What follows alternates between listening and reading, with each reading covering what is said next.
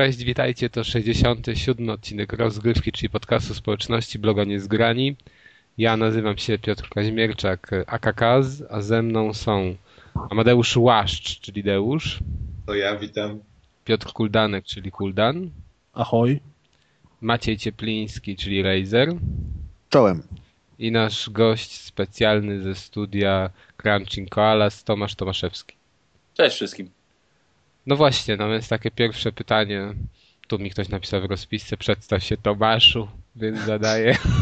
Nie ktoś, tylko ty to napisałeś. No, to Duszek chyba, Kacpra, znaczy dobra, mój Duszek napisał, bo ja tego nie pisałem. Okej, okay. to może nam coś powiesz o tym właśnie, czym... Tak czym raczej tego... branżowo, czy tak raczej o sobie? Tak czy tak ogólnie? Dobra, spróbuję Ogólnie. pomieszać. Eee, no więc tak, jestem Tomek, e, jestem z zawodu programistą, e, jestem jednym z, z współzałoży współzałożycieli studia. E, grami zajmuję się tak mniej więcej od dwóch, trzech lat. A poza tym, poza tym, poza tym co? Poza tym lubię dobrą muzykę i gry. O, No dobra, powiedz jakie, ma, jakie portfolio ma wasze studio, to znaczy zajmuje się grami tworzonymi na jakie platformy? To znaczy, portfolio to nie ma za dużego, bo my żeśmy zaczęli dopiero w październiku, e, czy tam w listopadzie, więc jesteśmy dość świeżym studiem, ale wcześniej e, to studio w zasadzie istniało jako, jako inna firma po prostu. To była firma po prostu moja e, i ja samodzielnie razem z dwoma innymi osobami, które też są jakby founderami studia, robiliśmy głównie zlecenia przez rok, półtora, dwa, już nawet nie pamiętam ile dla innych firm i w ten sposób tak naprawdę nauczyliśmy się tego wszystkiego.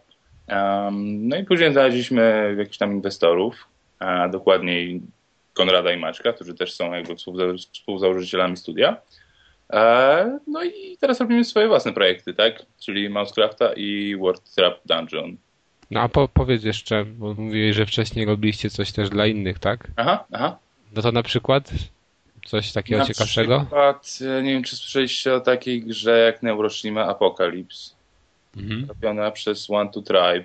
E, Tam Maciej Miąsik między innymi ją robił. Mhm. A, I trochę, trochę osób, które wcześniej przy Wiedźminie pracowało. To taka, a, taki multiplayerowa gra, która ma być chyba na PC-a, a na razie jest na Facebooku. Ona wygląda całkiem fajnie. I tam generalnie robiliśmy dużo, dużo modeli, dużo tekstur i dużo jakby takich rzeczy związanych z level designem. Mhm. A sporo było też różnego rodzaju aplikacji, oczywiście reklamowych. Było też, był też epizod przy takiej produkcji, która zmieniała swoją nazwę i w zasadzie to nie wiem jaka jest jej nazwa w tym momencie, ale ona zaczynała jako Gardens. Nie wiem, czy słyszeliście może, to też jest polska produkcja. Ona w tym momencie tam jakieś tam całkiem niezłe sukcesy odnosi za granicą, jeżeli chodzi o gry casualowe. A, I co? No i robiliśmy trochę taki. mm, Robiliśmy swój własny trochę projekt, taką platformówkę, ale, ale to nie wyszło za dobrze, więc, więc w sumie mogę to pominąć milczenie. Okej, no a teraz co, co, co, bo tutaj właśnie widzę, że Maciej chciał zadać pytanie, jak powstało Aha. studio. Ja trochę do tego też chyba zmierzam. Aha. Co spowodowało, że zaczęliście sami działać na własną rękę? To znaczy, mm, może tak. Eee, co, co, co spowodowało, że sami? No, jakby od samego początku była taka, idea była taka, że, żeby robić coś swojego, żeby robić swoje własne projekty. A, i, i, I przez te zlecenia, które tam przez te półtora, dwa lata robiliśmy, mm, chcieliśmy jakby trochę zaoszczędzić i, i, i zacząć coś sami robić, no ale, ale to nie wychodziło, więc po prostu zaczęliśmy szukać inwestorów i, i w ten sposób znaleźliśmy Konrada i Maćka, którzy wcześniej byli, e, wcześniej prowadzili studio Academinion, który może słyszeliście, a może nie. E, w każdym razie można sobie zgooglować. I to było takie studio, które, które robiło gry casual i, i było, było dość, że tak powiem, dość znane na tym, na tym rynku. Mm, no i co? My ich znaleźliśmy, oni, oni znaleźli nas i przez pół roku żeśmy dogadywali ten e, jakby to, co ma powstać z tego no i wyszły, wyszły, wyszły te całe koale z tego. A No, powiedz mi, ja mam takie jedno pytanie nawiązujące trochę do tego, o czym mówisz, że y, próbowaliście odłożyć trochę pieniędzy, bo generalnie jeśli chodzi o, o, o gry przez ładnie nazywane teraz indie, Mhm. mówi się z jednej strony, że wiesz, gość, który siedział przez dwa lata po pracy i sobie robił Braida, go zrobił, a z drugiej strony mówi się, że potrafi pracować, nie wiem, 15, 20, 30 osób nad jakąś grą przez parę lat. Jak Mhm. jest z budżetami, wiesz, w dziale indie generalnie rzecz biorąc? Jakiej wielkości pieniądze to są potrzebne na? Gość, gościa od Braida to, to jest zły przykład, bo to jest facet, który pr- pracował przez 30 lat e, tak naprawdę w branży. Od, od samego, od dziecka pracował w branży, jeszcze w ogóle, wiesz, jako, jako tester, tak dalej, tak dalej, tak dalej. I od samego początku prawie branży siedział w tej, e, siedział, siedział tu. A, i, I on się zwolnił i pracował full time, jeżeli chodzi o, jeżeli chodzi o Braida. I, i, i, go, I go, że tak powiem, robił sam, ale przez 3 lata jakby full time. A, Wiesz, bo chodzi mi o to, że są takie mity, że mówi się o tym, że ktoś tam po pracy sobie wieczorem dłubie Co? w, w, Ja nie w domku przy komputerze. która, która, która odniosłaby sukces i była tak zrobiona, szczerze mówiąc. Bo, bo wszystkie, wszystkie te indie, indie, indie hity to, to, to, to są jednak e, zaplanowane działania, w których, w których ludzie odchodzą z pracy m, często na rok, dwa, trzy i po prostu trzepią ile wlezie. No Nie to wiem, trochę było widać przy całej tej dramie związanej z e, Fezem, prawda? Bo Ale, przecież ale tam tak, się budżet mocno nie domykał. kilka lat przecież zresztą. No i mi Tak, się tak. mocno budżet nie domykał, nie? Tak, tak, ale no, fa facet, fa facet nie pracował nigdzie, prawda? Pracował tylko nad tym. Tak samo goście od tego, od Super Meat Boya, czy, czy właśnie od Braida, czy, czy nie wiem, teraz e, goście od Castle Crashers, e, bo ich jest też dwóch. E, I to jest też bardzo podobne. Mm, Ale to, bo wiesz co, bo chodzi mi o to, że jak się mówi o, o dużych grach typu AAA, to tam te kwoty, które padają, to dla normalnego człowieka są jakieś totalnie absurdalne, wiesz, tam dziesiątki milionów dolarów. jasne. A ciekawy jestem, bo myślę, że mało osób to wie, albo się nad tym to zastanawia, w przypadku takich małych gier, których, y, w cudzysłowie małych, bo one czasami potrafią być bardzo fajne, Mhm. ale to właśnie jakiej wielkości, ja nie mówię, że wiesz, masz mi dawać swoje konkretne, swoje pieniądze, Wyciąg z ale konta. wyciąg z konta, ale tak generalnie jakiej to są wielkości kwoty w przypadku takich właśnie gier typu indie? Wiesz co, Twoim zdaniem, wiesz, tak, Polsce tak czy strzelać, nie? o tak. No to załóżmy i tu, i tu. O, no właśnie. E, na przykład Train pierwszy kosztował 800 tysięcy euro. To teraz każdy sobie może pom- pomnożyć to i to wychodzi, że on kosztował 3,2 miliona złotych. O, pierwszy Train, przy którym pracowało mniej więcej 10 osób średnio. No a, no a powiedz mi, czy to jest właśnie w ten sposób, no bo Train, nie, teraz mi się myli, Train pierwszy był na konsolach, tak? Tak. Tak, tak. Później nie ma, To, to na przykład, jeżeli byś brał przez pryzmat budżet takiej gry, jeżeli ona by miała wyjść na PC i na konsolach, to, to, to, to w jakim stopniu musi być ten budżet większy, żeby produkować na przykład grę, nie wiem, na Xboxa? Jako ten na Live Arcade. To wszystko zależy od gry, od, ym, od tego, co chcemy osiągnąć, no bo jeżeli skupiamy się na grze, która, która, która po prostu ma konkurować yy, z takimi grami AAA, czyli ma mieć super grafikę, ma być długa, yy, nie wiem, ma mieć jakieś, jakieś, jakieś fajne, unikalne mechaniki, yy, to, to, to, to słabo. No a jak właśnie mówimy o, o, o takim Braidzie, który też przecież był na konsolach, no to te, te koszty są nieznaczne, bo to jest pewnie devkit, E, pewnie, pewnie jakaś licencja i, i, i, i to wszystko. No właśnie, bo wiesz co, powiem ci teraz e, ostatnimi czasy, znaczy ostatnimi czasy, jakoś się pojawił news, Mhm. taki, że bodajże mm, Nintendo będzie rozdawało devkity Wii U. Aha. To, czy to faktycznie jest tak, y, nie wiem, taka duża pomoc ze strony Nintendo, czy to jest tak drogie? To, to w ogóle jest inna bajka, bo w ogóle, żeby przynajmniej było tak, Mhm. do, do, dotychczas było tak, że żeby zacząć w ogóle z nimi rozmawiać e, i w ogóle z, zacząć myśleć o robieniu gry na, na jakąkolwiek konsolę Nintendo, trzeba było mieć w zespole kogoś, kto już zrobił grę na konsolę Nintendo. Takie było ich wymaganie. Koniec. Kurczę. więc, e, więc wiesz, albo, albo, albo, Albo miałeś Miyamoto, albo... Albo nikogo na świecie już. Nie no, ja, ja pamiętam nawet ogłoszenia takie, takie o pracy, że, że szukamy kogoś, szukamy programisty, wymagania. Zrobił grę na konsolę Nintendo. Koniec. No, tak Ale- było po prostu. Tak, tak, tak, tak było pam, pamiętam to. E, wiem, że w Warszawie jest takie studio, nazywa się Cubic Games i oni tam na, na, na te całe WiiWare e, robili jakieś, e, jakieś gry. Mhm. I, i, I pamiętam właśnie, że oni mieli chyba takie ogłoszenie, ale, ale mogę się mylić. A to, czy, czy jak oni, oni teraz rozdadzą devkity, to też, to też nie za dużo da, bo, mm, no bo mamy devkit, a oprócz tego trzeba, trzeba tą grę zrobić e, na konsolę, tak? I albo, albo po prostu mamy gotowy jakiś silnik, w sensie jakiś, jakiś tam, jakiś kod już gotowy, który działa załóżmy na, na, na, na wszystkich platformach, jest jakiś multiplatformowy, albo musimy to kupić. A jak musimy to kupić, no to, to załóżmy, że to będzie Unity, na którym tutaj pracujemy. E, no to jeżeli mówimy o Unity, no to to jest koszt 400 tysięcy dolarów. Za, Czyli- za jedną grę wydaną. Aha, czyli co, licencja na silnik jest y, na konsolę grę? Jest, Czy, zwykle, jest zwykle od gry. czyli Ale przy, to, każ- przy każdej, jeżeli chcesz robić kolejny projekt na, na Tak. tym samym silniku, to znowu płacisz im tak jakby haracz. Tak. Tak, tak, tak. aha. A w ogóle... tak, jest, tak, tak jest w przypadku Unity i z tego co wiem, tak jest w przypadku na przykład e, CryEngine, e, Engine, tak? Mhm. E, i, i, i, i, UDK chyba też podobnie, czy nie? Wiesz co, wiesz co, nie wiem, nie, nie, nie wiem, nie chcę kłamać. Pamiętam, że na UDK jakoś było tak, że oni jakoś procentowo zabierali. E, mm, Z, z zysków jakby, nie? tak, tak, tak, tak, tak. Mhm. I to, to była jakaś właśnie afera z tym samym Afterfallem naszym, który tam. O, nie, nieważne, nieważne. Ale, ale to, w, to w ogóle, jeśli już tak powracając do devkitów, to e, czy to są jakieś cięż, jakby ciężko jest dostać devkity i, cię, i jakby to są jakieś spore pieniądze, czy, czy raczej nawet jak się ma małe studyjko i by się chciało rozpocząć pracę, to, to bez problemu można u deweloperów e, takie devkity uzyskać?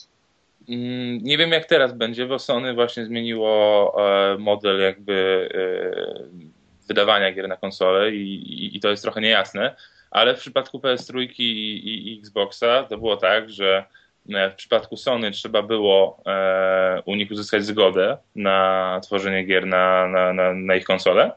Po prostu wysłać koncept gry, e, jakiś taki tak, tak zwany game proposal i, i, i, i- i dowiedzieć się, co oni o tym myślą. Oni mogli powiedzieć, a mamy was gdzieś, albo, albo mogli powiedzieć, okej, dobra, to teraz nam zapłaćcie, żebyśmy mogli wam dać licencję. A... A- To w ogóle był trochę jakiś absurd, bo była taka Wiesz gra? No, no. która się nazywała Derek the Deadfin, która Mhm. wyszła na samym początku tylko na Sony, co więcej, znaczy na, na PS3, na, na ojejku, na, w storze. Grałeś? E, grałem, Ja wytrzymałem tym jakieś 10 czy 15 minut, ale wiesz, tam Sony bardzo mocno, mm, to, tam widziałem jakieś, jakieś wywiady z twórcą no. czy, czy filmikiem, bardzo mocno to promowali i bardzo mocno to wspierali nawet, a to była pierwsza gra tego studia. Oni nigdy wcześniej nic nie zrobili, z tego co, co pamiętam. To była Wiesz, wypłynęli znikąd i nagle robili, mieli po prostu interesujący koncept, który, czy może tak jak mówisz, po prostu podesłali to do, do, do Sony, komuś to się spodobało. A no niestety wyszło to tak, że koleś się wiesz, zadłużył na dosyć duże pieniądze, żeby, żeby to zrobić, no i to się sprzedało tragicznie źle i niestety... Mhm. Zresztą No bo pomijam, jaka to była gra, tak, ale... Je- jeżeli chodzi o, o- o Sony, to z tego, co, co ja wiem, no to, to, to były dwie opcje. Albo jest tak, że wysyłasz im, e, wysyłasz im ten proposal i mówią super, dobra, jedziemy dalej. I albo wydaje cię Sony, albo wydajesz się sam przez, e, przez, przez właśnie przez PSN-a. Przez co e, w, w- tej drugiej opcji, jeżeli wydaje cię Sony, no to, to nie, nie wiem dokładnie jak jest, nie wiem jakie są umowy, ale wydaje mi się, że wydaje mi się, że jest tak, że, że, że oni pokrywają, wiesz, jakby koszt na pewno devkitów i pewnie silnika też. No. No tak, ale czy właśnie, no bo tak y, ja się nie znam, ale tak teoretycznie rzecz biorąc, jeżeli y, jakiś deweloper dogaduje się z wydawcą, no to podpisuje w cudzysłowie corograf, tak, na jakiś tam procent od zysków, czy, czy no generalnie chodzą historie, jak to deweloperzy narzekają na to, jak to ich wydawcy cisną. Mhm. Więc chyba w momencie, w którym Sony jest y, wydawcą, to też wtedy deweloper nie ma zbyt przyjemnie. No, patrząc na Journey, to raczej nie. No właśnie. Znaczy, Właśnie nie wiem, bo on cały czas, ten koleś, co tworzył Journey, to on mówił, że Sony no, bardzo dużym wsparciem go otoczyło. Tak, ale to było tak długo, jak długo tworzył, bo ostatnio tam się coraz więcej to teraz- niezbyt przyjemnych informacji na ten temat pojawia. Znaczy on teraz uczy na uczelni i ma wszystko gdzieś, no, jakby studio się zawinęło, no. A on sobie jeździ i wykłady robi, no. Ale To ta dziewczyna generalnie... chyba, która odeszła, plan, ma plany jakieś... bo tam Tak, ona coś chyba nowego otwiera, tak mi się wydaje. Ale generalnie na przykład stworzenie gry na konsolę, nie wiem, na PC-ta, na, na, na, na mobilny, najłatwiej na PC-ta? W sensie, wiesz, najłatwiej wydać grę na PC-ta? Tak, zdecydowanie, zdecydowanie tak. No, na PC wystarczy twoja strona, nie wiem, jakiś prosty silnik płatności e, zrobić grę, wrzucić ją tam i, i, i, i to wszystko, tak? Mhm. Jeżeli chodzi o wydanie, a jeżeli chodzi o konsolę, no to tam w przypadku Sony i tak sytuacja była lepsza niż w przypadku Microsoftu, gdzie mm, Microsoft wydaje wszystkie e, gry, które wychodzą na Xboxa. Była chyba tylko jedna gra, która, która została wydana nie przez Microsoft. E, więc jakby cały czas masz wydawcę, cały czas masz coś nad sobą, papierków jest mnóstwo. E, no nie, nie, bez powodu tam zawsze przed, przed tymi grami z, z Xbox Live Arcade pokazuje się Microsoft Studios. Mhm. Oni są wydawcą po prostu. Także jeżeli chodzi o, o papierkowe mm, ro- robótki, że tak powiem, i wydawanie, no to zdecydowanie PC jest najłatwiejszy. A A, powiem, Co, No. Póki co nie trzeba się Microsoftu pytać, czy można na Windowsa wydać grę. Wiesz co, już trzeba, jeżeli chodzi o ósemkę. Aha, Bo już chyba jest w Marketplace w ósemce. Jest już ten się. cały Metro Marketplace i, i, i ja jeszcze dokładnie się tym nie zajmowałem, więc nie chcę głupot gadać, ale z tego co pamiętam, to, to tam jest jakaś kontrola albo no co, co, coś jest, co, No, co, to- jest, co, co wzburzyło jakieś, e, wzbudziło jakieś straszne oburzenie. mhm. A No jak jest ze Steamem? Bo, Między bo wiesz, Notch chyba się strasznie y, oburzył i powiedział, że nie będzie robił gier na Windows 8 z tego powodu. Mhm. Halo?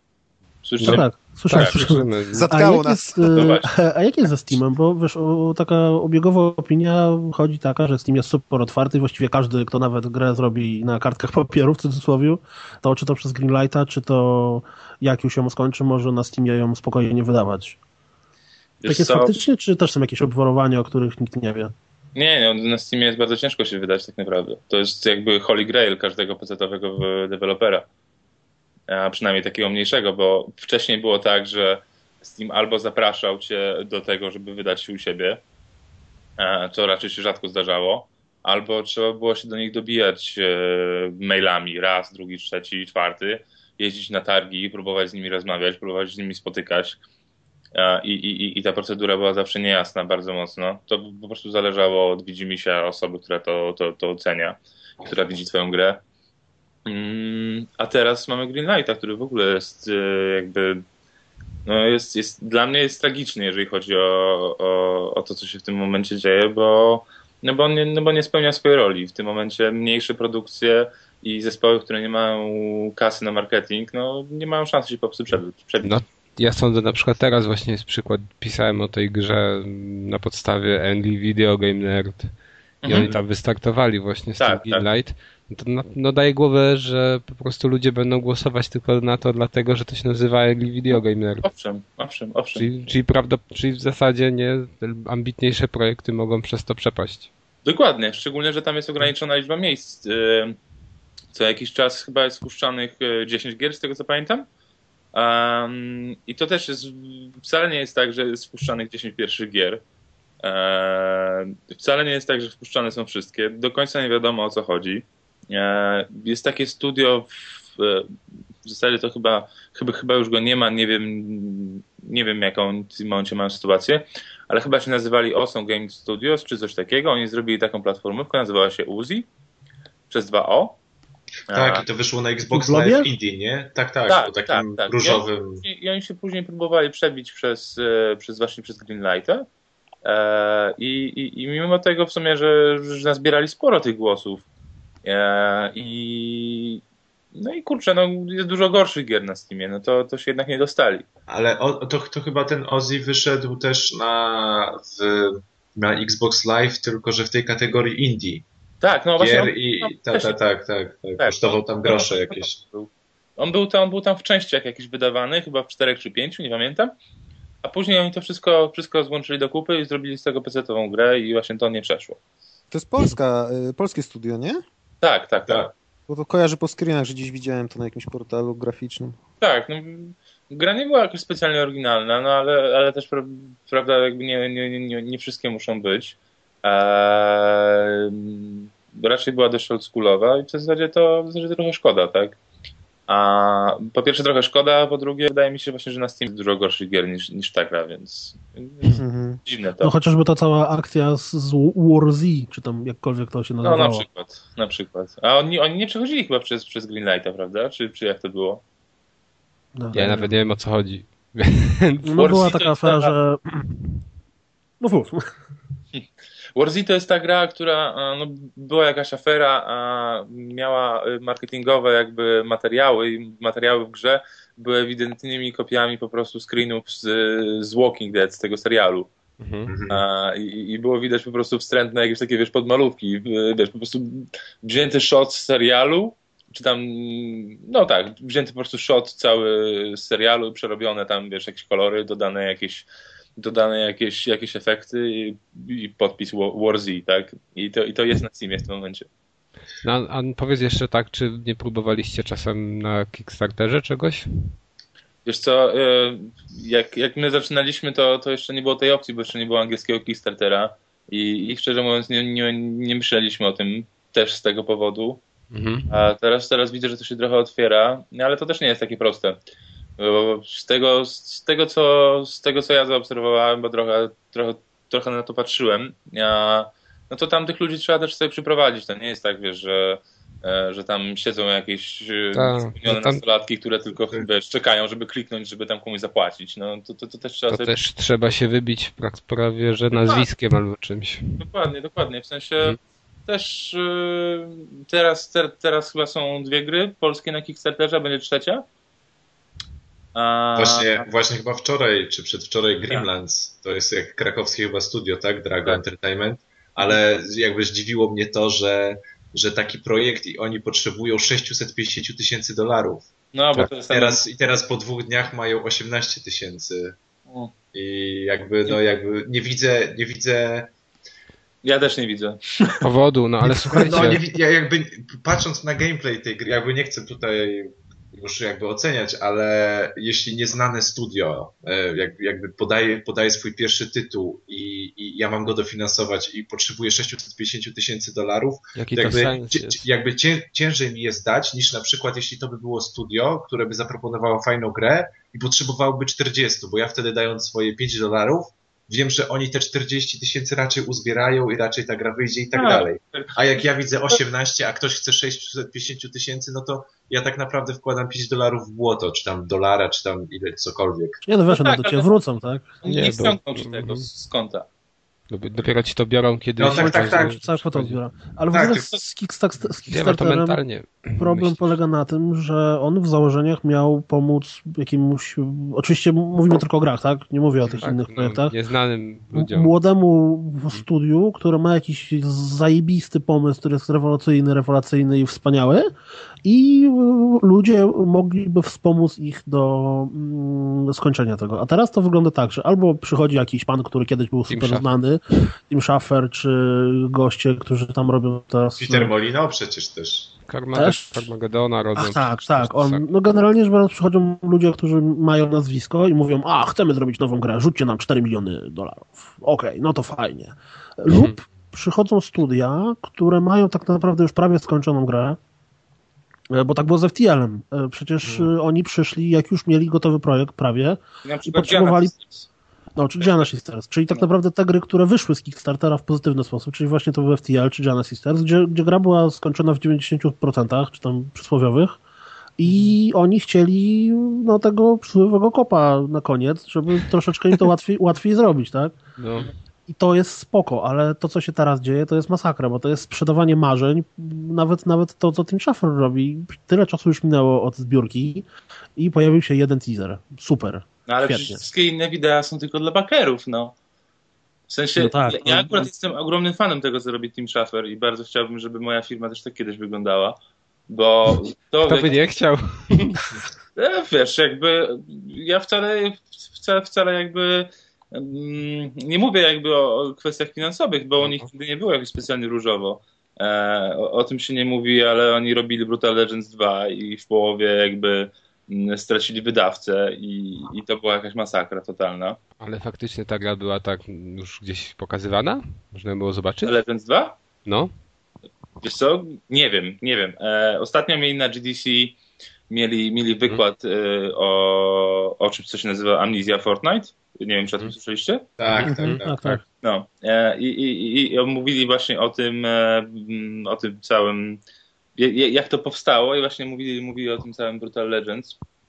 A, i, I kurczę, no musieli mieć tam ciężko, w sensie jak taki duży projekt jest zarzucony jakby w połowie i nie jest to Ubisoft, czy tam EA, czy, czy, czy, czy Epic Games, no to to niszczy firmę, no po prostu. Ta, ta, gra po prostu była od samego początku moim zdaniem źle marketingowo rozplanowana. Ona w ogóle powinna wyjść od początku na PC-ta. Hmm. Bo tu jest dużo fanów przecież no, metalu, tak? Mhm. Ja sądzę, że fani metalu to są jeszcze ludzie czasem niewychowani absolutnie na konsolach. Mhm. I mhm. mają może PC-ty, ale konsole niekoniecznie, a tak sobie po to sięgnęli, a nie mieli teraz sposobności. A po drugie, dla konsolowców, jak przeczytali no, recenzję, jeszcze było ok, ale jak zobaczyli, nie wiem, czy usłyszeli opinie znajomych, to mhm. się okazywało, że ta gra nie jest tym, za co się podawała. Wiesz, mhm. ta gra sprzedawała się jako coś w stylu jakiś slasher, tak? God of War, Devil May Cry. Mhm. A tak, i nawet demo było tak strasznie zrobione. No demo to właśnie a... było dokładnie tak zrobione. Demo to był stricte slasher i tego się spodziewałeś. Po czym kupowałeś grę i nagle jest takie, okej, okay, no dobra, będzie mini gra strategiczna, druga, trzecia, czwarta, to jest kurde, szósta, siódma, no, koniec to, gry. To Ej, był no, taki świetny pomysł na grę, tak świetna muzyka tam była, w ogóle ten świat i moim zdaniem w ogóle świat był niewykorzystany, a dodatkowo mechanika RTS-a zupełnie się nie sprawdzała na konsolach. Jak próbowałem w to grać na najwyższym poziomie trudności, żeby sobie zrobić platynę i nie, nie dałem rady. Po prostu. Ale to tam chyba, żeby zrobić platynę, to jeszcze trzeba było coś w multiplayerze napieprzyć. Tak, wiesz, ale ja założyłem, że spróbuję. Aha. No i zacząłem grać po prostu na hardzie i niestety zrezygnowałem w pewnym momencie, bo czy tam, no na tym najwyższym poziomie jaki był, no bo zauważyłem, że nie daje rady i po prostu przełączanie się między tymi jednostkami, nadzorowanie tego na tak, w ta, w ta, tak jak tam to wyglądało, na takim poziomie, to nie zdawało rezultatu i no nie wiem. Słuchaj, ja w ostatniej misji, że już byłem tak sfrustrowany tą grą, to stwierdziłem, że pieprze, nie mam zamiaru się dłubać z tym. Odpaliłem sobie najniższy poziom trudności i przyszedłem, żeby zobaczyć, jak ta historia się kończy. Jasne. Ja, jeszcze wracając, wracając do, do, do całego tego, tego szofera, tak? Szafera, czy tam szafera, nie wiem jak się go czyta. A, no, a... Niech będzie szofer. Szofer, dobra, team szofer. E... No. Czy, mhm. czy, czy, czy, ja wiem, czy on, czy on robi tak strasznie? No jak dla mnie, jak dla mnie mi się to, to podoba, co on robi. W sensie oni, oni mają fajną, fajną grupkę fanów i widać, że mają tą grupkę fanów.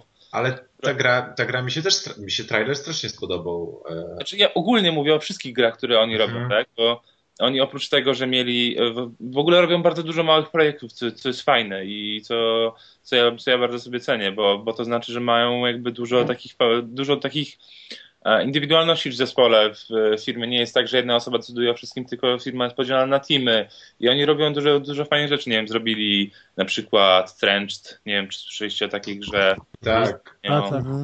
Zrobili ten e, Stacking, zrobili Comic Zone. Costume Quest. No, Costume, o, Costume Quest był bardzo fajny. Znaczy, ja, mi chodziło o coś zupełnie innego. Ja, ja nie hejtuję ich dla zasady, bo większość gier, które Double Fine wydawało mi się podobało, mhm. albo je skończyłem, albo mi się podobało, tak jak ostatnio The Cave.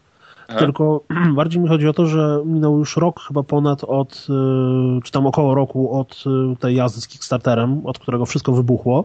Aha. Już ponad I, rok. No już ponad rok i tam nawet rozmawiałem z kimś, kto był bakerem, jakkolwiek, przepraszam, no tym wspomagaczem mhm. i on tak, jakoś wcale nie mówił rzeczy Dardzimciom, że, że, że na tych forach, które są tylko dla nich dostępne, to wiadomo wszystko super i w ogóle pełno rzeczy. Chyba, że nie wiem, jakieś NDA mają też. No nie mam pojęcia. Nie mam pojęcia, szczerze mówiąc, ja nie wspierałem, a teraz żałuję, bo chętnie bym jakbym chciał mieć do tego dostęp, żeby zobaczyć jakie, jak oni to robią, że, że mają takie fajne, fajne community, że, że, że ci fani tam idą za nimi po prostu w ogień co chwila. A, no bo kurde, przecież ostatnio y, mieli tą samą amnizję Fortnite, y, w sensie to, to, to, robienie tych prototypów na żywo i uzbierali chyba pół miliona, pół miliona dolarów po prostu na, przez to, że robili to na żywo przez 10 tam 14 dni. A, a, a nie są to gry przecież, tylko to były prototypy, które ktoś tam mógł sobie zobaczyć. Więc kurczę, no, moim zdaniem ciekawe, ciekawe rzeczy robią i, i, i, i fajnie. A co, co, co do tej przygodówki, to w sumie rok to to co? Rok to nie jest chyba za dużo na, na, na to, żeby pokazać E, Ale, ale, ale chociaż jakiś koncept już by e, jakby, bo, bo wiemy praktycznie tyle, co pierwszy trailer był ostatnio No, i, to, i, to, i, to, i, i to, że to ma być klasyczna, tak, przygodówka. A jak to jakby się za-? E, To znaczy, to, Broken to, Age.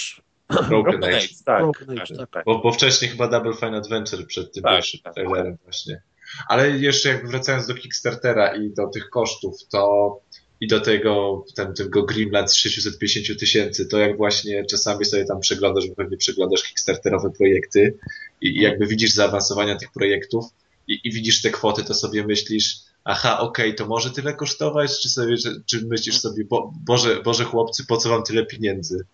Ja bym zrobił to za połowę, czy tam za jedną trzecią tych, tych, tych kosztów. Mówisz o mnie, tak? Tak, tak, tak. Mówię jakby na, pol, na, na polskie realia polskich studiów. Wiesz co, raczej rzadko przyglądam. Mm, mm, chyba ostatnio patrzyłem na, na co, na tego całego Tormenta, tak? Tak, który E, 4 miliony ponad uzbierał. Tak, Także. tak.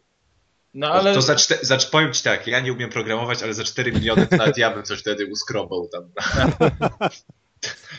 także, także to nie był problem. Chodzi bardziej właśnie o te takie jakieś mniejsze, mniejsze to wtedy, to wtedy Deusz, Deusz by było na okładce Approved by Deusz. No, Mm, To znaczy, ja z tego, co, z tego, co tam słuchałem od, od ludzi, którzy tam się w tym momencie na tym Kickstarterze wystawiają albo zamierzą, zamierzają wystawiać z polskich deweloperów, to te koszty zwykle ustawia się tak, żeby to zebrać. Tak? Nawet nie chodzi o to, e, czy my tą grę w kosztach zrobić, znaczy, czy, czy zdołamy zrobić w tych kosztach, tylko po prostu ustawiamy je tak, żeby wydawało się to realne, że to A zbierzemy, że to B tyle kosztuje, C, że, e, że nie wiem co, co chciałem powiedzieć. E, Ale okej, wiecie, jeszcze tylko Czyli powiem, generalnie to trochę jest tak czy siak taki też bardzo in, intensywny w tym marketing, tak? Że Tak, tak, oczywiście. Nie no, musi być, tylko dobra, może słuchajcie, może wrócimy, bo myśmy zjechali zupełnie na tego Kickstartera. Jeszcze Tak, tylko powiem, że u kogoś słychać strasznie plumkanie, więc żeby trochę Może, wyciszył może u mnie, a, może u ciebie. No, znaczy plumkanie w sensie jak my tu coś piszemy na czacie. okej, Okej, i staram dobra, się. E, i pytanie w takim razie, znaczy ja w ogóle, o, tylko jedną rzecz chciałem powiedzieć odnośnie Kickstartera i już przejść dalej.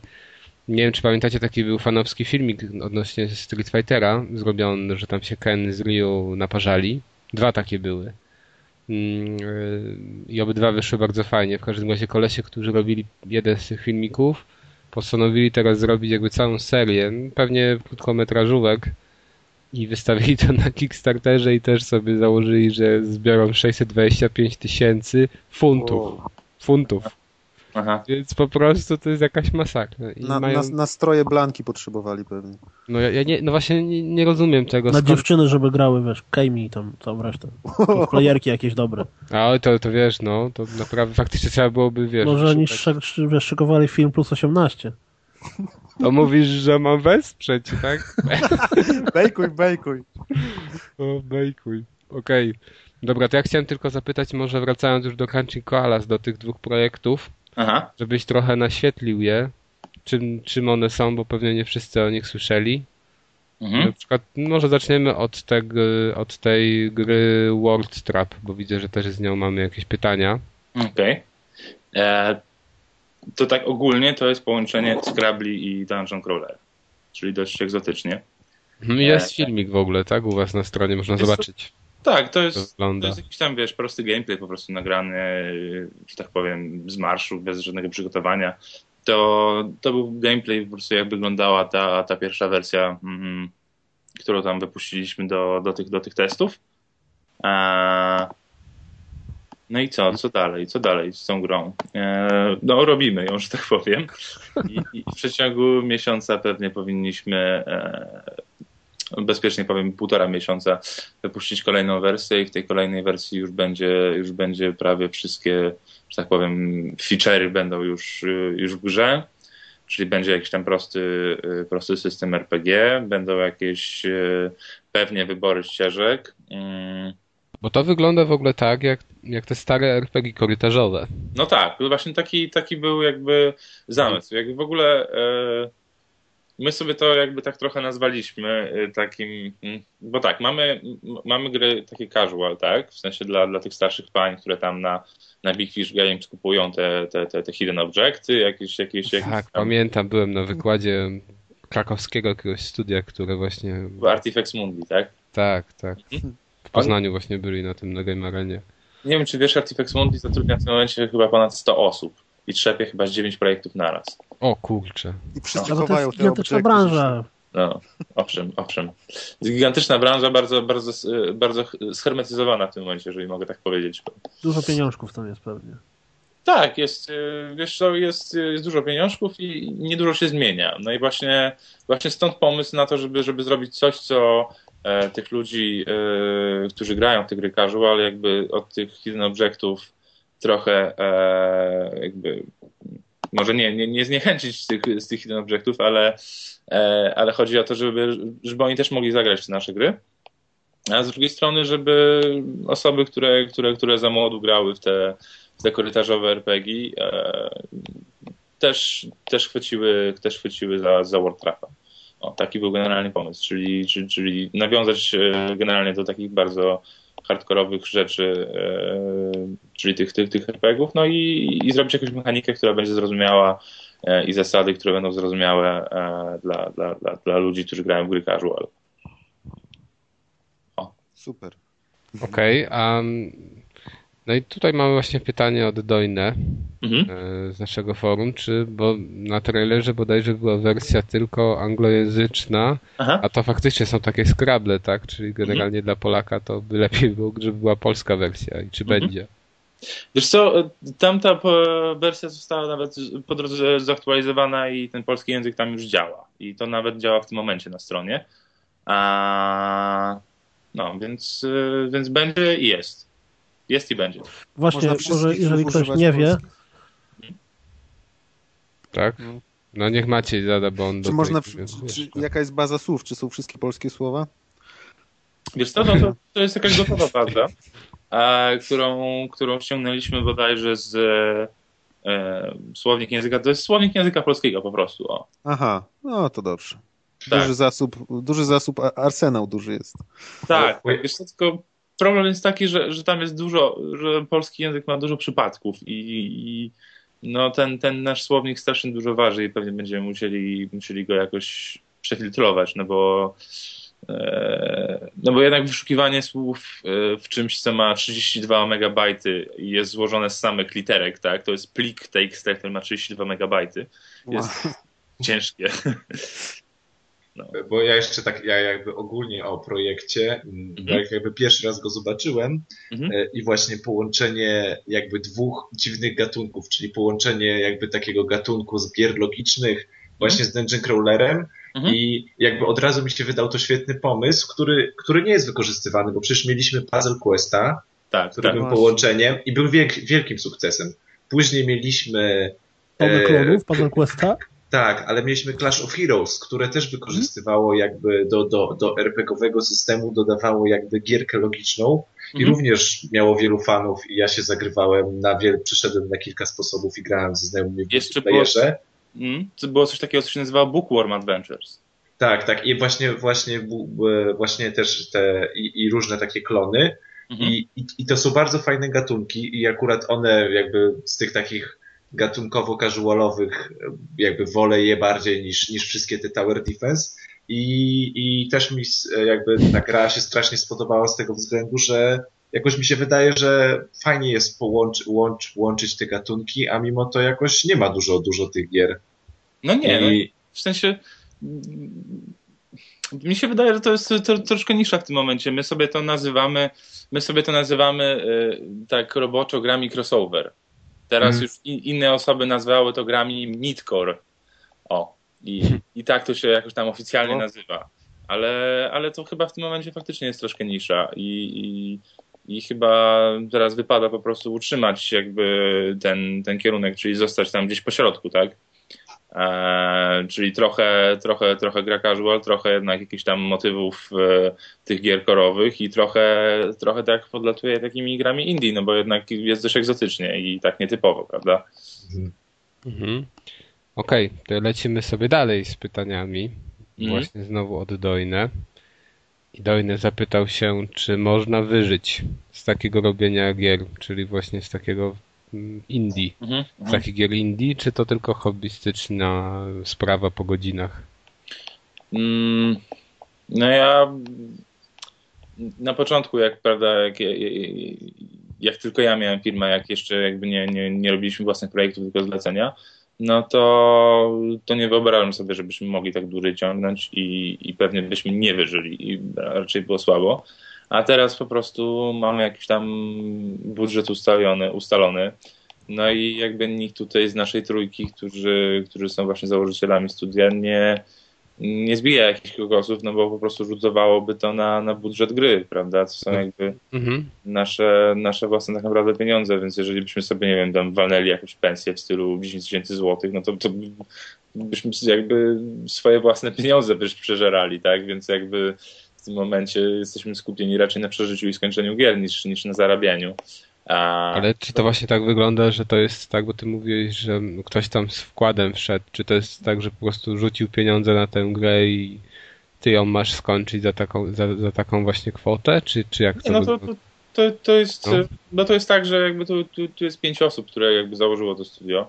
Mhm. A, a my tam weszliśmy z czymś, z czymś własnym, a oni, oni jakby weszli z większością kapitału, że tak powiem, na studio. A, I no jakby to był, to był świadomy budżet i to był budżet, który, e, który razem, do, do którego razem żeśmy doszli i raczej wynikał z potrzeb, a nie tam jakichś, jakichś specjalnych ograniczeń, czy, czy nie wiem. No po prostu ustaliliśmy, że, że robimy takie dwie gry i one będą tyle kosztowały a, Mhm. a, i, i tak, i tyle potrzebujemy. No.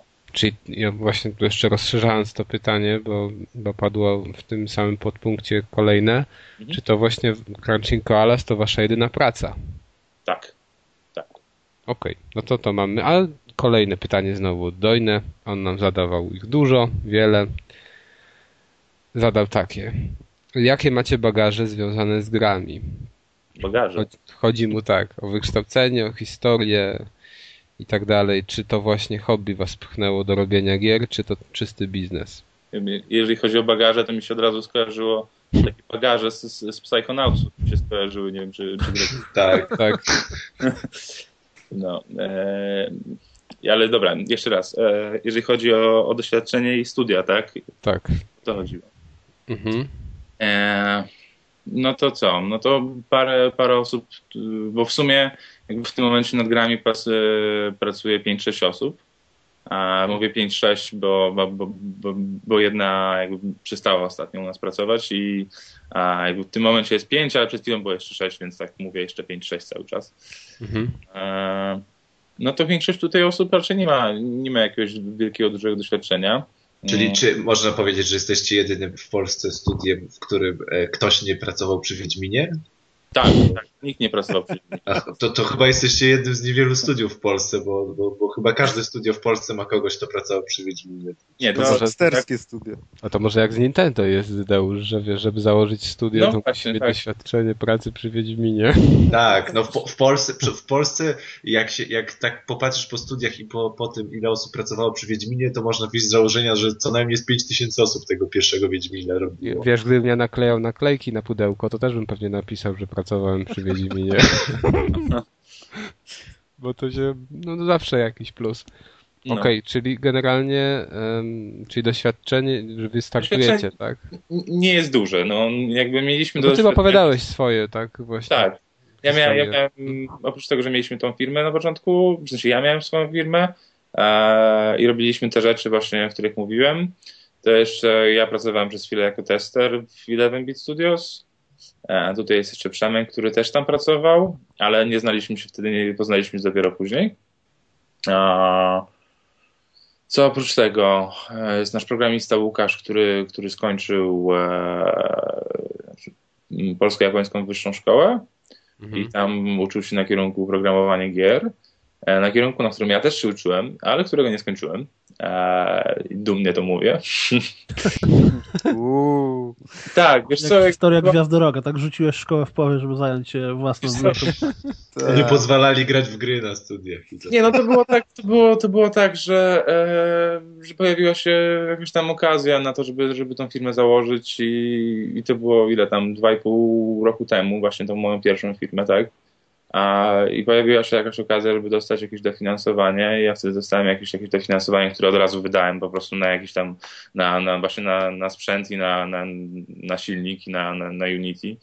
A, i, Wszyscy myśleli, że na gry i tutaj, tak, myśleli, że na gry, a tutaj kupiłem jakieś... Kobiety i narkotyki. Jak w ogóle kupiłem licencję, którą dostałem w mailu tam, wiesz, daję... Wiemy Piotrze, że ty byś na to wydał. Ja, ja, ja bym wydał z pominięciem narkotyków, o tak powiem. Bym przerzucił budżet. Bodeusz już ma zapas, to nie potrzebuje. No tak czy siak y, pojawiła się ta okazja i, i próbowałem to ciągnąć, ale, ale nie dało się dwóch rzeczy naraz ciągnąć, bym musiałem z czegoś zrezygnować. Ehm, No akurat trafiłem na uczelnię, może kiedyś skończę, może, może nie, zobaczymy. Okej, a powiedz właśnie Od tutaj... razu zostaniesz wykładowcą tam, zamiast skończyć. No właśnie, Bez dyplomu. to jest tam paru takich. Kiedyś było jeszcze więcej, ale to nie tylko na tej uczelni. Dobra, nie wiem czy na tej zresztą. Ym, Tutaj właśnie to rozszerzenie tego pytania, czyli czy co was pchnęło do tego, żeby tworzyć gry hobby, czy, czy właśnie tylko pieniądze? To dłuższe, to dłuższe pytanie. Ale to by było dobre, gdybyś powiedział tylko pieniądze, temu pchnęły. Tak, nie, nie lubię grać. Nikt nie lubi w studiu grać, ale chcemy mieć kasę. Tak, dokładnie. Nie no, tak, tak niestety się nie da chyba. Tak tylko Zynga potrafi. Nie. Chociaż też już ostatnio chyba coraz gorzej. No, już wyniki finansowe coraz gorsze, także. No, no. Czyli generalnie hobby. Generalnie hobby. No, ja chciałem na początku chciałem robić filmy. E, chciałem robić filmy e, i nawet coś tam, coś tam próbowałem własnego robić, a jakoś tam w liceum i, i przyszedł czas wyboru studiów i okazało się, że nikt w Polsce nie uczy robienia filmów, a jeżeli uczy, to jest to Wyższa Szkoła Bounce'u i Lance'u imienia Bolesława Lindy, czy tam Bogusława Lindy. Andrzeja Wodera. Do Andrzeja Wadera, wszystko jedno, wiesz, Moniki Waszniewskiej, tam wszystko jedno. E, no i, no i co, i, stwierdziłem, że kurde, no gram przez całe życie w te gry, więc, więc może pójdę na jakąś informatykę, no programowanie w sumie nieźle mi szło, zawsze byłem dobry z matmy. A, więc więc y, poszedłem chyba na dzień otwarty właśnie do Polsko-Japońskiej Wyższej Szkoły i zobaczyłem, że tam jest kierunek animacja 3D e, i, i akurat pokazywali jakieś, jakieś swoje portfolio. No i stwierdziłem, kurde, no to jak nie robię filmów, yy, to może nauczę się robić animację i będę siedział w domu przed kąpem, będę robił swoje własne filmy, nie będę musiał się użerać z jakimiś aktorami, z jakimiś, kurde, z, z setami i kamerami, tylko będę przed kąpem Lindą. trzepał, trzepał kolejne, wiesz, tam Final Fantasy z, Spirits Within, albo robił jakieś zajebiste intro do A gier. jak ty byś trzepał Final Fantasy, to wiesz, to nie wiadomo czy by wyszło, bo mam problem z tym. Ciągle nie dają rady ostatnio w ogóle zwolnienia. Może by wtedy im wyszło, wiesz, nie wiadomo. Nie, No nie, wiem, właśnie. nie, wiem, nie wiem, czy teraz się nie mylę, ale chyba nasz nadworny tutaj towar eksportowy, jeśli chodzi o animację, Tomasz Bagiński też No. udowadnia, że można animować bez studiów, bo o ile się nie mylę, też e, nie ma żadnego jakby wykształcenia w tym kierunku. To jest pewnie jedyny warunek. Nie no, ale wiesz, ale tutaj to, to, to, nie musisz skończyć, żeby mieć pojęcie. Wiesz co, nie wiem. Ja pamiętam, że oglądałem Bagińskiego Making of Katedry i tam było widać, że on jest jakby bardzo słaby, jeżeli chodzi o, o to przynajmniej wtedy był, jeżeli chodzi o, o takie rzeczy typowo techniczne, czyli właśnie jakieś, jakieś animacje a, i jakoś, jakieś techniczne rzeczy, ale miał bardzo dobry warsztat właśnie e, taki artystyczny i on właśnie bardzo e, fajne koncepty robił, które, które później udawało mu się nieźle e, na ekran przerzucić i to w zasadzie takie oświetlenie i, dobór barw i to, to, to robiło wrażenie w katedrze, a nie jakieś tam techniczne umiejętności tak naprawdę. Okej. To mamy tutaj następne pytanie. Właśnie, znaczy w sumie to już odpowiedziałeś. A, no Tro, ale po, tro, po tak trochu. w sumie to y, chciałem robić te animacje, tak? Więc y, i w sumie przez trzy lata y, tak kształciłem się, jakby czy tam dwa i pół roku kształciłem się w, w tym kierunku. I dopiero później na jakichś zajęciach e, było oczywiście zadanie na pół roku zrób jakiś własny projekt. I dopiero kiedy, kiedy, kiedy zrobiłem jakąś tam prymitywną galagę, czy jakiś tam Space Invaders, zresztą z Krzyśkiem, który teraz jest współzałożycielem jakby Crunching Koalas właśnie, no to, to dopiero wtedy poczułem, że, że faktycznie chcę programować te gry. I że to, że to mi sprawia frajdę i że to jest jakby satysfakcjonujące.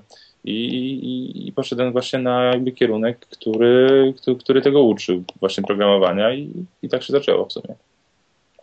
Okej. A, a, a, jeszcze jedno. No. Wiesz, taka bardzo inspirująca sprawa. E, Mój promotor też właśnie a, e, o Boże. e, zgubiłem- Robił przy Wiedźminie. Zgubiłem, nie. A on właśnie też nigdy nie pracował w jakiejś dużej firmie, No. a i właśnie miał swoją własną e, działalność i, i, i zawsze właśnie, właśnie mi imponowało to, że on robi coś własnego i pewnie jakby tutaj też był jakiś spory, że tak powiem, influence z jego strony. No. I to właśnie jeszcze jedno pytanie od Dojno, ostatnie już. To, Aha. znaczy tu tak w zasadzie w jednym punkcie dwa pytania. Na jedno odpowiedziałeś, ilu ludzi zatrudnialiście Aha. i czy zatrudniacie i Tak. plany rozwojowe. Czy po, zamierzacie rozszerzyć to studio o kolejne osoby? Czy zamierzacie właśnie pisać też coś na inne sprzęty? Wykupić Activision. Nie, raczej wykupić, znaczy wykupić możemy, ale, ale Nie chcecie. Ale po co? To dziadowska firma jest. Musi, przecież musi zostać, te, muszą zostać pieniądze na te dziwki i na narkotyki. Ojej, Ja mówiłem kobiety, no. A, A, to no już na swoje przykłady. Adeusz, wiesz to. moja mamusia będzie słuchać i co ja jej powiem. No. Nie, No, no, zna- Naprawdę. Tak na serio, no to. Albo nie na serio. Mm, Szczerze mówiąc, nie wiemy, no bo to wszystko zależy od tego, jak, jak nam wszystko wyjdzie. No, możemy mieć plany, ale naprawdę liczy się to, e, jak te gry nam wyjdą. Gdyby nam wyszły, to myślę, myślę że jakiegoś większego, dramatycznego powiększenia zespołu by nie było. E, Fajnie by było mieć kogoś, kto, kto, kto by te gry update'ował, w sensie mm, tak sobie myśleliśmy, że jakby obydwie te gry można fajnie jakby dodawać im rzeczy. A DLC. ktoś... Niekoniecznie, wiesz, to, to, to, to nie musi być DLC. A to mogą być nawet darmowe update'y, tak? które, które po prostu odpowiednio ułożone będą po prostu jakby powodowały, że ta gra będzie się cały czas sprzedawać. A właśnie, czy, czy już macie model sprzedażowy przewidziany, jak będzie można jakby kupić pełną grę? Tak, mamy. A to jakby do zdradzenia jest, czy... Co, co, szczerze mówiąc, nie wiem. Eee, chyba w sumie nie rozmawiałem z nikim o tym. Eee, w sensie jakby nie, nie, nie, nie, nikt nie mówił, że to tajemnica i w sumie, w sumie to chyba, chyba to nie jest tajemnica. Eee, Czekaj, się Jesteś, takiego- jesteś jednym z założycieli studia, to cię nie wyrzucą jak zdradzisz. ja spojrzę na minutę nagrania, jakbyś miał później powiedzieć, to mam. Zastanawiam się, zastanawiam się czy, czy mogę już to powiedzieć, czy, to jest, czy jesteśmy tego pewni, tak? Ale wydaje mi się, że będą sprzedawane w tak zwanym modelu pay what you want. O proszę. O. O, Czyli tak bardzo pro, że tak powiem, pro akta i pro całej dyskusji o dostępie do kultury. Tak, to jest takie, wiesz, to jest a propos całego dostępności do kultury, płacenia ile się chce i tak dalej, i tak dalej. To To, jest to, właśnie... wie- wiecie, co jest w ogóle najśmieszniejsze? Nie wiem, dlaczego mi się teraz to skojarzyło, ale pamiętam, no bo właśnie mi się podoba takie podejście, ale pamiętam, jak branża muzyczna reago- reagowała negatywnie na internet i jak chyba bodajże w zeszłym roku się okazało, że po raz pierwszy od, nie wiem, 12, nie, od więcej, to będzie Wzrosła sprzedaż płyt, nie? No, że zyski jakieś Chyba. Się wzrosły, czy coś takiego. No. Bo już nie sama sprzedaż płyt, w sensie krążków, tylko no, albumów może. Znaczy zyski z tego. No tak, wiadomo o co chodzi. No i, i to jest dopiero, wiesz, i przypominam sobie Kazika, który miał na stronie tekst, że coś tam kradną mu muzykę z internetu i tak dalej. Tak, tak. I tam Metallica się jakoś strasznie też udzielała. Tak, tak. Na To był. Napster, jak Napster się pojawił, tak, tak, to prostu tam był straszny. Napster. shitstorm, w ogóle nie wiadomo co. A ja mam jeszcze jedno pytanie, a propos tak trochę rzeczy, które nie wiadomo, czy możesz mówić. Aha. E, macie już jakieś takie Żeby, nawet... żebyśmy wiedzieli, co wycinać. strach się Tak, bać w o to- ogóle, o co się Kuldan zapyta. E, nie o dziwki narkotyki, tylko o Ojej. to, czy macie już jakieś nawet w miarę przybliżone, czy nie przybliżone, załóżmy kwartał, m, kiedy chcecie wy, wydawać się, że tak powiem. No kwartał, kwartał był wcześniej określony na kwartał drugi, ale on się chyba już zaczął właśnie, prawda? E, mm. Wiesz co, no mi się wydaje, że to będzie tak. Znaczy na pewno, na pewno Może jak Blizzard, jak skończymy, to będzie. nie, nie, nie, to tak, tak chyba nie możemy na to sobie pozwolić, ale Tak tylko mi Projekt z Cyberpunkiem mówi. E, Wydaje mi się, że teraz będą te dwie, te dwie alfy, nam, nam wy, wypuścimy je, mam nadzieję, w przeciągu miesiąca będą już dwie, tak?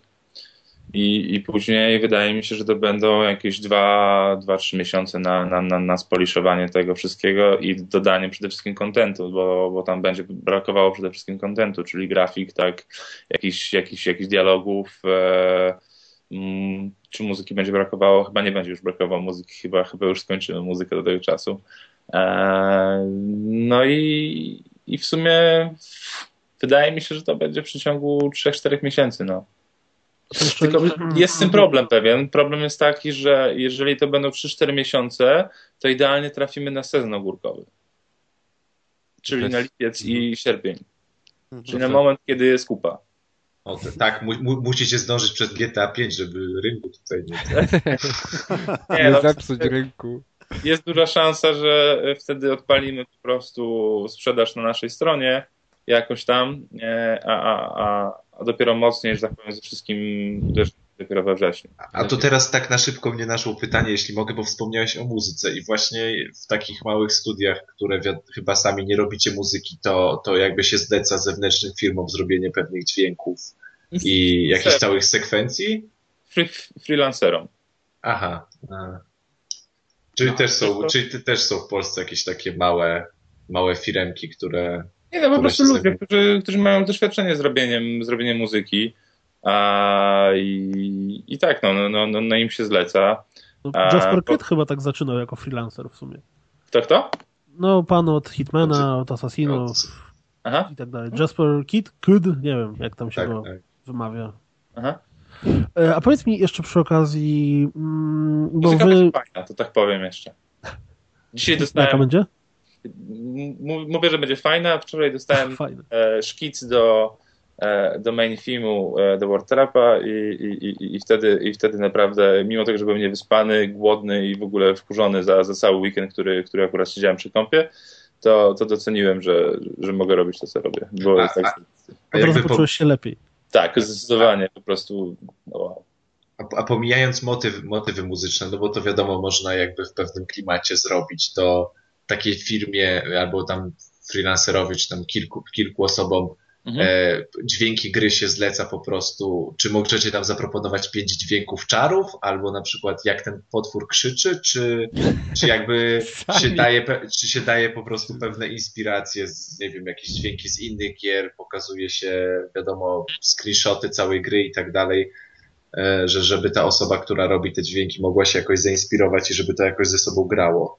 No my robimy Czy, a to tak, nie jest tak, że są stoki przypadkiem? Jakieś też? Też są stoki i, i, i my na Aha. przykład właśnie mamy dość dużą bibliotekę tych stoków, ale to wiesz, jakby mm, stoki można wykorzystać na przykład do trzaskających drzwi albo do kapią- kapiącej wody, czegoś co, co niekoniecznie musi grać, nie wiem, z animacją, z ruchem i... Znaczy wiesz, ja, ja dźwięk otwieranych drzwi ze StarCrafta to słyszałem w jakichś 15 innych grach. No właśnie, no właśnie, właśnie, właśnie o tym mówię, tak, że, że takie rzeczy pasują, nie? W sensie one nie muszą się zgrywać. z- z tym, Nie no, te, te, te stoki to są nawet używane w, w takich wysokobudżetowych produkcjach, w, No tak, tak, tak, w tak, filmach, nie? W, także Tak, jasne, tylko że po prostu niektórych rzeczy, niektóre rzeczy trzeba zrobić w sensie customowo, w sensie jakby dopasowane do, do gry, tak? Czyli To- jeżeli macie przeciwnika, który jest ogrem, to wtedy koledzy ze studia czekają, aż jesteś tak niewyspany, idziesz spać po tych na 3 godziny, po czym wpadają do ciebie z mikrofonem i mówią Tomek, wstawaj, wstawaj! Nie, no to, Jak Clean Agent. to, to, to, to próbowaliśmy chwilę nagrywać coś, coś sami, ale, ale to właśnie się kończy tak jak mówisz. no E, przecież teraz, teraz ze, ze stokami też jest taka rzecz, że kurde, no to też musi ktoś zrobić, w sensie to trzeba przeszukać te stoki, prawda? I to jest też strasznie żmudna i, i cholernie beznadziejna robota, bo tam wiesz, szukasz ogra, e, wpisujesz, nie wiem, tam ogr dice, wyskakuje ci, o, fantastyczny dźwięk y, umiejącego ogra, .mp3, tak? Otwierasz go, a tutaj, wiesz, nie wiem, dźwięk pierdzącego kolesia, nie? I, i, i tak, wiesz, czemu, czemu, czemu, czemu, czemu ktoś to zrobił, no? Nie mogli Niebezpieczna zatrudnić praca. ogra. Albo wiesz, nie wiem, dźwięk tam, nie wiem, umierającego delfina w klatce, no, no takie rzeczy się znajduje, no. Różne gry Właśnie graliśmy, to nawet kas ciebie jeszcze wtedy nie było, ale jak graliśmy w, w Dead Island Mhm. e, i znowu kopaliśmy zombiaki i tam się im rozbija głowy w którymś momencie, to po prostu byłem stuprocentowo pewien, że oni brali arbuzy i je rozbijali, bo to dokładnie tak pachnie. Znaczy brzmi jak arbuz spadnie na podłogę i się rozklasta. Ale wiesz, mi chyba nie spadł nigdy arbus na podłogę, więc nawet nie wiem. Dzieci nie masz w domu. Kuldan No. próbował już. Ty masz dopiero od dwóch lat, więc... Od już arbuza zrzuciła kiedyś. A ile arbuzów poszło? Ja chyba wczoraj, czy przedwczoraj oglądałem e, taki właśnie też filmik z GDC z zeszłego roku, gdzie facet, który robił muzykę i wszystkie efekty dźwiękowe do Bastiona, Tak, tak, tak, pokazywał. tak, fajny, fajny, bardzo fajny wykład, bardzo fajna prezentacja. Ja chciałem jeszcze o jedną rzecz zapytać, tylko tu w międzyczasie wskoczyły e, inne pytania o jejku. Znaczy nie, no zapytaj, bo jeszcze w ogóle my powiedzieliśmy, Tomek na razie powiedział o jednej swojej produkcji, o tej drugiej A. nic.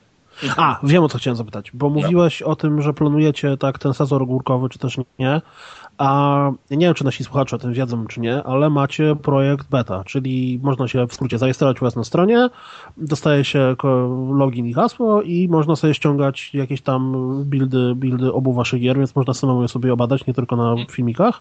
Tak, tak. Czy macie zamiar wrzucać yy, prawie że skończoną wersję, czy to jednak będzie tak, że wrzucicie alfę i potem już będzie ok, ludźki, tu macie już grę do kupienia, Mhm. więc nie będzie kontynuacji. Czy, czy tą betę będziecie, ten program betę będziecie tak jakby update'ować prawie że do samego końca? Szczerze mówiąc, e, to trochę, to trochę się wiąże z tym pytaniem twoim o budżet, tak? W sensie e, to, wszystko, to, wszystko, to wszystko zależy, jeżeli, jeżeli będziemy mogli sobie na to pozwolić, żeby do końca tą betę jakby trzymać darmową, to będziemy chcieli tak zrobić. No ale kiedyś w końcu trzeba, trzeba jakoś te pieniądze zacząć zarabiać, więc jeżeli będzie tak, że nie wyrobimy się z budżetem jakby do zrobienia gier, no to ta, ta, ta ostatnia beta pewnie będzie, będzie jakoś, jakoś tam płatna, tak? No a właśnie, powiedz jeszcze mi odnośnie tego już samego zarabiania. Mhm. To jak wy zamierzacie reklamować to? Znaczy jak to się tak reklamuje? Wysyła się po prostu do redakcji wszystkich tam piszących o grach? Czy, czy jak Ja, to wygląda? ja dzisiaj to robiłem, powiem ci, dlatego tak mało spałem. E, waszą redakcję ominąłem, bo wczoraj zrobili, e, wrzuciliście, wrzuciliście newsa e, jakby o, o podcaście, więc stwierdziłem, że raczej nie wrzucicie dwóch newsów o Crunching Palace obok, obok siebie. Mhm. Ale dzisiaj wysłałem jakieś 80 maili, myślę. E, Do, do, różnych, do, różnych, do różnych stron, do różnych e, portali. Czyli taka, czyli taka trochę praca spamera. Tak, taka kreatywna praca spamera. Wiesz co, bo ja e, każdy z tych maili staram się jakoś tak e, Personalizować. powiem. Tak, dokładnie. Czyli jak mam mail tam do Davida jakiegoś, to piszę cześć David, tak? Dzień Nie. dobry XY, my jesteś fajna studio z Polska. Mój wujek w Nigerii ma 1200 milionów dolarów. A, Prześlij no pieniądze. tak, no wiesz, jakby a oprócz tego e, Zdjęcie z niedźwiedziem. bardzo dobrze też działa, jakby jeżeli wiesz coś o tej osobie, do której ślesz tego maila, w sensie o tym dziennikarzu e, i wiesz na przykład, że on jest ze Stanów, tak, no to jak jest ze Stanów, to wiadomo, że ma różnicę tam załóżmy czasową 8 godzin i wiadomo, że jak jest godzina 16 czy tam 17 u nas, to on dopiero wstaje. I tak naprawdę wtedy powinien dostać tego maila, bo wtedy jak wstanie, to będzie czekał na niego świeżutki na samej górze. A jeszcze jest super, jak wiesz, że lubi koty i możesz do tego nawiązać w swoim mailu i wrzucić kota, który jest u nas w Mostcrafcie. 10 śmiesznych gifów z kotami. Tak, na przykład. Albo wrzucić po prostu y, screenshota czy tam concept art y, od nas z Mostcrafta i Albo Ryana Goslinga. tak zreklamować grę, tak, już w pierwszym zdaniu. I jednocześnie też trochę nawiązać do tego, co on lubi. No to jakby takie rzeczy sprzedają. Na pewno nie, może nie sprzedają, ale dzięki takim rzeczom w ogóle jest, jest wiesz, jakby szansa na to, że to się gdzieś pojawi. No. Jakby Tak, Deusz u was sumie- pracował, jakby Deusz u was pracował, to by gołe baby wszystkim wysyłał na początku. O, dobra. I To już ma taki pewnie specjalny ma. folder, tam zbiera zdjęcia na poczet przyszłych Ale, projektów. ale, ale nie każdy by dostał tą samą, bo Deusz by personalizował. Ej, nie, no to super. Myślę, to- myślę, myślę, że myślę, że to mogło zadziałać, wiesz? To wiesz, jak, jak, jak, jak, zobaczysz, że nie za bardzo publikują, to poproś Deusza. Mam kampanię reklamową. Przygotuję tak? paczkę zdjęć odpowiednią. Może być i z kotami, tak? Do tego Ale, jeśli, ale jeśli będę potrzebował gifów, to wiadomo do kogo się udam. To może jeszcze wracając do pytań, które się u nas na stronie pojawiły. Ale poczekaj, bo jeszcze może, po, może niech Tomek powie trochę o tym Mousecrafcie, czyli o tej drugiej grze, bo w zasadzie nic o tym nie powiedzieliśmy. Tak. E, Mousecraft to jest w ogóle projekt, nad którym ja głównie siedzę. E, w sensie, mm, tak, to jest projekt, nad którym ja głównie siedzę. Mm, I to jest połączenie, e, takie było zamierzenie, to jest połączenie Tetrisa i Lemmingów, e, polegające na tym, że trzeba jak największą ilość myszy doprowadzić e, z jednej strony ekranu do sera za pomocą układania klocków Tetrisowych. Czyli też taka mieszanka trochę wybuchowa w sumie. Mhm. E, I też jakby chodziło o to, żeby ci gracze, którzy tam, nie wiem, 10-15 lat temu zaczynali, mogli sobie te lemingi skojarzyć. No bo kurde, każdy, kto tam zaczynał jakieś x lat temu, może nie to, że grał, ale kojarzy te lemingi. Ale właśnie tak jeszcze tylko nawiążę, że wydaje mi się, że zobaczcie, że Lemmingi powstały no, no w latach 90. Nie wiem, już chyba, chyba nie w 8, no w 90. Ja przynajmniej z Amigą kojarzę. No to ym, a później jakbym miał wymienić jakieś klony, które mi się, Tak. nie wiem, z ostatnich 10 lat jarzą, to mi się nic nie jarzy. No właśnie. I to, to jest słabe, że pewnie ktoś, kto wiesz, kto zaczynał przygodę z grami, no nie wiem, z 5-6 lat temu, to w ogóle nie, nie, nie, czegoś takiego mógł nie widzieć. Nie wiem, czy pamiętasz, ale na, na Aitoya były takie lemingi, to które, polega... tak, które, polegały po prostu, które po prostu polegały na tym, że, Aha, że że się... miałeś taką przepaść i musiałeś po prostu rękę położyć i lemingi szły po twojej ręce. I, Ale to, i to właśnie nie było na Kinecta Kinecta, No właśnie, to na Kinecta chyba. Ale, Nie, to, to, to, to dawno to jeszcze było na PlayStation 2. a to, to na pewno nie w tej pierwszej kompilacji gier, bo ja mam je i nie przypominam sobie czegoś takiego. Ale no, no nie, nie, nie, to było jeszcze na, na, na, na 100% to było, ale to było takie, wiesz, z takich casualowych, nawet nie wiem, nawet nie pamiętam jaką to miało nazwę, czy to było jakimś po prostu klonem. Nie, ale generalnie te, te, te, te gry pokroju Lemmingów Hmm? to nie miały zbyt wielu naśladowców chyba później, albo ja się mylę, nie wiem, może. Nie, nie, nie miały, nie miały, nie miały. To wszystko, wiesz, jakby nie, to wszystko gdzieś właśnie zginęło, no i, i my się, wiesz, jakby jak marzyliśmy się, co tu zrobić, to jak padł ten pomysł, to faktycznie wszyscy spojrzeliśmy na siebie i faktycznie no, nie było czegoś takiego. Przepraszam, czy- takiej kompletnie nikomu nieprzydatnej, absolutnie bezsensownej triwi. Wiecie, kto zrobił Lemingi? O czym ja się ostatnio dowiedziałem z dużym szokiem? E, chyba ps, coś taka firma psy, Psygnosis Psygnosis. była wydawcą, ale kto był deweloperem? a, I tak DMA. Design, DMA, czyli Rockstar tak naprawdę. Rockstar North. Więc Wow. to jest dość zabawne, że oni zaczynali od takich rzeczy, żeby Od dojść do do mordowania. A. No właśnie. A to jeszcze a propos Lemmingów, to na Xbox Live Arcade wyszedł Swarm. To było trochę Tak. do Lemmingów podobne. I chyba ostatnio na, na PlayStation Network wyszła gra, która po prostu się nazywała Lemmings i była... Tak, tak, ale to wyszło na ten mobile, które u nas Tak? jest nie... Tak, to chyba wyszło na mobile, które u nas w ogóle jest niedostępne. Aha, aha, no bo Znaczy po, nie ma polskiej y, tej usługi chyba jeszcze. Ja- ja widziałem- wiesz? Mm, Widziałem, że to gdzieś wyszło, tak? W sensie widziałem ten Tak, tytuł, tak. widziałem znaczek bo- Sony przy tym. No właśnie Psygnosis y, jest, y, no, znaczy Sony jest właścicielem tej A? firmy. Myślałem, że Psygnosis umarło w międzyczasie. Szczerze Właśnie mówiąc. ono, nie wiem, wydaje mi się, że jeżeli umarło, bo teraz nie wiem, czy Sony ma prawa, czy po prostu ma to studio jakby wykupione i nie wiem, czy... czy... O, o, ale czy Psy- Psygnosis nie robiło tego Wipeouta? A nie wiem, czy... Czy to nie jest to studio, które, które, które później robiło Wipeouta? Tak, tak, to są ci sami. No Znaczy, właśnie. no to a- generalnie a- właśnie Sony, ale no oni chyba też robili, nie wiem, czy ten Pandemonium, czy mi się coś też... Oni mieli taką sowę chyba w logo, nie? Tak, Tak, Sowa. taką sowę.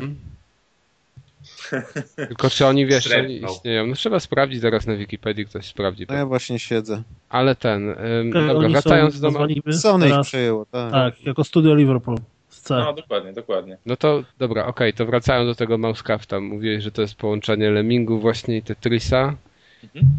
I co No i dalej? tak, no i, i, i znowu mamy tak, mamy, mamy coś, co, co wzbudza jakąś tam powiedzmy sympatię tych starszych graczy i, i coś, y, i coś co, co jest na tyle proste w obsłudze, tak? a przynajmniej ma być tak prosty w obsłudze, żeby, żeby te osoby, które, które grają w te, w te gry casual, nie wiem, czy to match, czy, czy to jakieś tam tower defense, czy to, czy to gry hopa, czyli te hidden objecty, e, żeby też mogły w to zagrać, prawda? Żeby, żeby to było raczej skupione. e, No, żeby, żeby to nie obsługa i nie, nie twoja szybkość i zwinność zdecydowały jednak o, o wygraniu czy tam przegraniu. A właśnie, bo też jak patrzyłem na tej stronie, to była wersja angielska, tak? To Tak, po, tak, po, tak, po tak. polsku to będzie? Tak, będzie, będzie. Już chyba też nawet ją wrzuciliśmy Aha. po polsku, ale jakoś nie robiliśmy z tego powodu jakiegoś specjalnego szumu. Tak mi się wydaje, w tym momencie jest polska wersja. A powiedz mi właśnie, jak to jest, bo bardzo często się, znaczy nie wiem, czy wiesz, ale no zapytam się, bardzo często się słyszy o tym, że zrobienie polskiej wersji językowej na konsolę zawsze jest problematyczne, okupione duży, dużymi pieniędzmi. Wiesz co, Czy nie, nie, nie wiesz? mówiąc, nie mam pojęcia jak, z czym to się wiąże na konsolach, jeżeli chodzi o lokalizację, ale wyobrażam sobie, że to musi być niezły, że tak powiem, no, Hmm? niezła lipa. Okej. Dobra. To następno przechodzimy do następnych pytań. Tym razem od Adka, mm, też na stronie zadanych. E, Adek zapytał się o młodych programistów. e, Jak zapatrujecie się na młodych programistów świeżo po studiach z małym doświadczeniem? Co liczy się generalnie przy zatrudnieniu? Doświadczenie czy umiejętności praktyczne, własne projekty i tak dalej. Co, co liczy się ogólnie w branży, czy co Znaczy liczy chyba chodzi generalnie o wasze studio, w sensie studio? pracy. E, no, my się staramy promować samodzielność i jakby samodzielność Czyli nie pracy. studia, tylko projekty własne. Tak, tak, tak. E, W sensie, jakby ktoś przyszedł z gotową grą, znaczy może nie gotową grą, w sensie po prostu, no tak, jakąś, jakimś gotowym małym projektem. Ja Mhm. bym wiedział przynajmniej, że on potrafi ten projekt sobie wymyślić, go zrobić i go zamknąć, tak? A nie tam rozgrzebie, zrobi y, tam załóżmy układanie klocków, ale już obracania nie zrobi, tak? I, i, i odłoży. I... No a jak to właśnie wygląda w branży? Czy to częściej się liczą konkretne studia? Czy na przykład właśnie wykształcenie? Czy, czy, czy już konkretnie własne projekty? Raczej, raczej, raczej, może nie własne projekty, ale, ale raczej umiejętności, Umiejętności. Mhm. niż studia, tak, tak, zdecydowanie. Dobra. E, Myślę, że, że studia. Nie, myślę, myślę, że umiejętności, tak. W sensie studiów nie ma za dużo w Polsce takich, takich specjalistycznych No albo tak, właśnie. więc, więc ciężko na to patrzeć, no.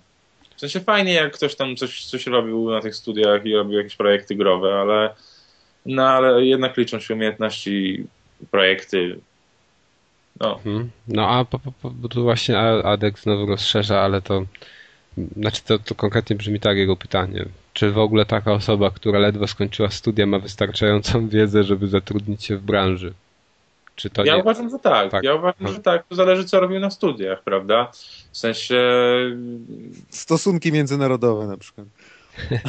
międzynarodowe. e, To mówisz, że po historii dałbym radę. E, w sumie wszystkie, wszystkie, wszystkie, wszystkie takie pytania mógłbym, mm, mógłbym co? Mógłbym odnieść do, do czegoś takiego, co się nazywa, e, że odnieść, odesłać mógłbym do czegoś, co się nazywa łososiowy devcast. Słyszeliście o tym? Tak, A, tak. Słyszeliśmy. Mhm. Mhm. Okej, to w ogóle to, to był to był w ogóle mój pomysł, e, tak się pochwalę, który w ogóle został w jakiejś dziwnej sytuacji wymyślony. Ale był tam odcinek, jak, jak się zakręcić w branży i, i myślę, że, że wszystkie osoby, które mają takie pytania powinny, powinny go obejrzeć, bo tam dużo, dużo fajnych rzeczy e, du, dużo fajnych rzeczy padło.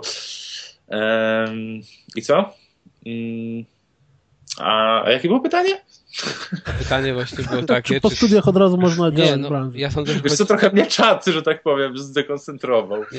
Znaczy generalnie chyba chodzi o to, czy po prostu osoba, która dzisiaj kończy A, studia studia, jakieś informatyczne, Okej, ma na okej. tyle wiedzę, Da się przyuczyć na przykład potem szybko w no, w, że od razu biurze, może, nie? może startować do, do takiej pracy jak development. to, to mi się wydaje, że chyba taka sama osoba wie, czy potrafi zaprogramować jakieś pewne No nie, no rzeczy. wiesz, no bo Ale ona nie wie, czy jak pójdzie do studia, to czy jej nie wyśmieją. I no ona nie wie na przykład, czy jak pójdzie na studia i konkretnie na jakieś tam studia, nie wiem, programowanie czy- i tak dalej, to czy po tych studiach będzie miała wystarczającą umiejętność i wiedzę, żeby zacząć pracę w takiej branży.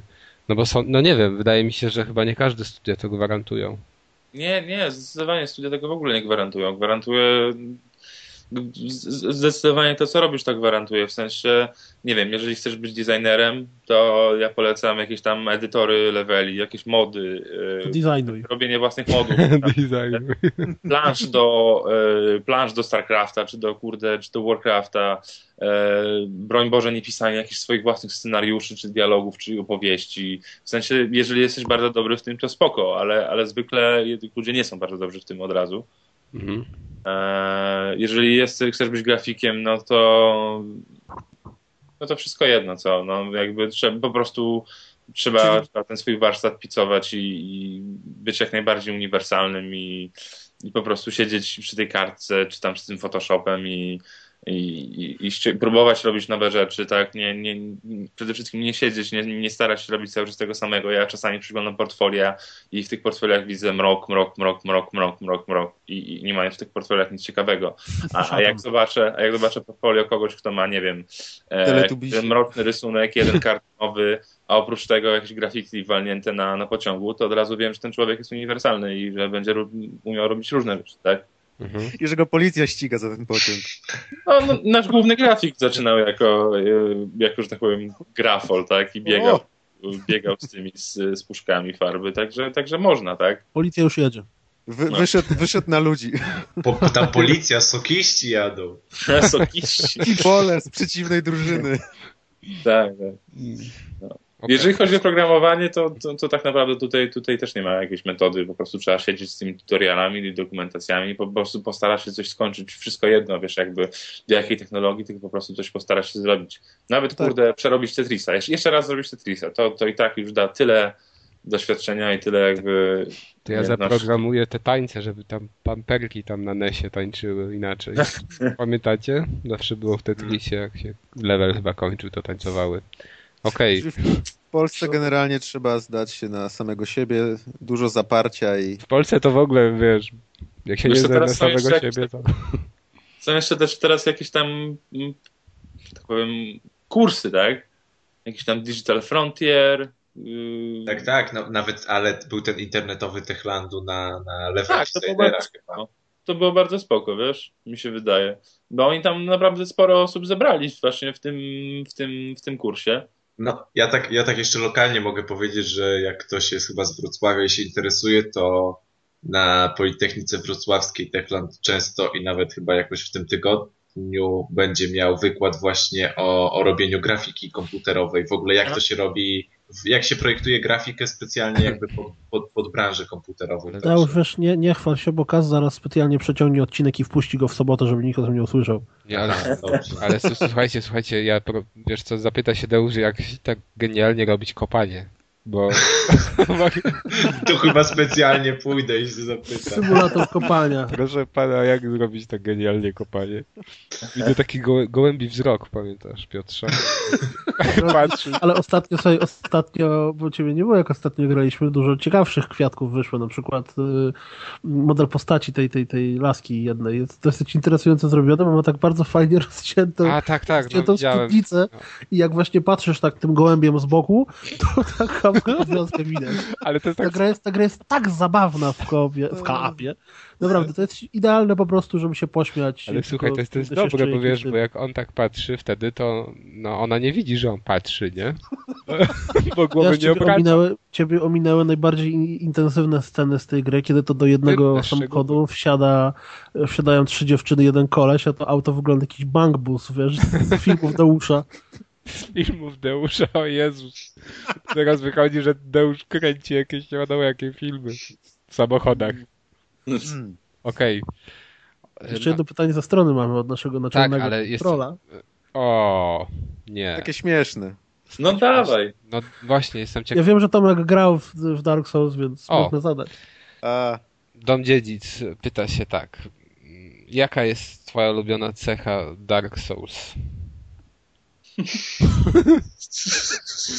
Teraz wiesz, teraz... Taka krótka notka biograficzna, kim jest Dom Dziedzic na, na stronie.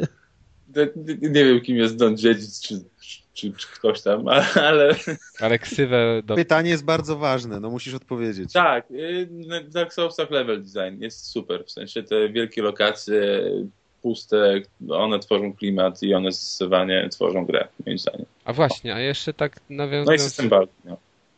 Nawiązując do tego trochę pytania, jakoś mi się zdarzyło. No Jakbyś miał wymienić, na, znaczy na czym grasz? Na konsolę, pecety, czy, czy co? Pecety, pecet. PS3 i PC na zmianę. No zmianę. Ewentualnie iPad. A generalnie, jeżeli chodzi o historię, to bardziej No konsole, to, to, czy to PC? konsole zdecydowanie. Przez długi czas, przez bardzo długi czas w ogóle nie grałem na PC. Ostatnio wróciłem do tego. Przez to głównie, że, że gry PC są po prostu tańsze. Tak. Mm. No tak. Jakby, I, bo i tu coraz tak- więcej ich wychodzi, tak? Bo się Tak, powtarzają. tak. No i w tym momencie lepiej wyglądają też. Tak, Mhm. tak przy okazji właściwie, y, czy przez to, że pracujesz w game devie, to w ogóle masz jeszcze czas i ochotę na granie? Czy to jest tak trochę, że, no bo wiesz, my się, my się znamy, jeśli ktoś nie wie, to tak trochę dłużej, Aha. więc zawsze y, wymienialiśmy jakieś opinie na temat gier Mm, i wiem, że kiedyś grałeś dużo, tak, i przechodziłeś gry i generalnie nawet pamiętam nasze rozmowy na temat tego, jak to jest irytujące, jak jakaś platformówka głupia dla dzieci tutaj nie pozwala się skończyć i trzeba usiąść i się Tak. ten, za, y, zawziąć w sobie. Pochwalę ci się, ostatnio skończyłem dwie gry. O, Infinita Bioshocka i, i, i, i nowego Metal Geara. Znaczy, Która lepsza? W sensie, O. którego? No tak, nie, piątego. Nie, Wiesz, może Jakie Szybki nie, skok no, do, do nie, nie, kodami. no tego Risinga, tak? A, Risinga. A właśnie, Która bo ja o lepsza? tym- No właśnie takie pytanie od razu. Infinite czy Rising, tak? Tak. Wow. O, Ciężko. Ciężko, wiesz? Yy, ciężko powiedzieć, bo w Infinicie mnie bardzo dużo rzeczy denerwowało. I, a, a, a jednak Rising, yy, Rising, Rising miał bardzo fajną tą mechanikę tego cięcia, cięcia rzeczy, ale miał Obozów też bardzo znowu. dużo bardzo dużo takich kurde oldschoolowych, takich złych rzeczy, w sensie niefajnych. Ja kurczę się napalałem trochę na Risinga, ale jak ograłem demo, to Myślę, tak się, wiesz, o, no spoko, jestem za. A, a to Piotrek teraz to tak, ma dobrze, mu wszyscy pożyczają gry. No, co to za ustawki są na podcaście? Ej. ale to słuchaj, to, to czyli generalnie masz czas na granie i ochotę. No zwykle tak, w sensie zwykle. No to zależy od gry. Jeżeli przez długi czas nie miałem ochoty, bo nie było nic, na co bym po prostu, w co bym chciał pograć, więc grałem w Awesome Nauts i grałem po prostu na UGO, graliśmy tutaj jakby studyjnie w, w, w tą platformówkową mobę. Teraz właśnie jak się pokazał Metal Gear, to pokazało się też Nino Kuni i Nino Kuni też chętnie by pograł, ale to już jest chyba trochę większe, większa i dłuższa zabawa, Długa. z tego co mi się wydaje. No, ale to nie macie Ponad czegoś takiego, że, 40. że po 10 godzinach siedzenia w biurze wracacie do domu i nie możecie patrzeć już ani na ko- komputer, ani na konsolę i To żygacie Wtedy dajcie mi jakąś grę w końcu skończoną, bo wiesz. Wiesz co? E...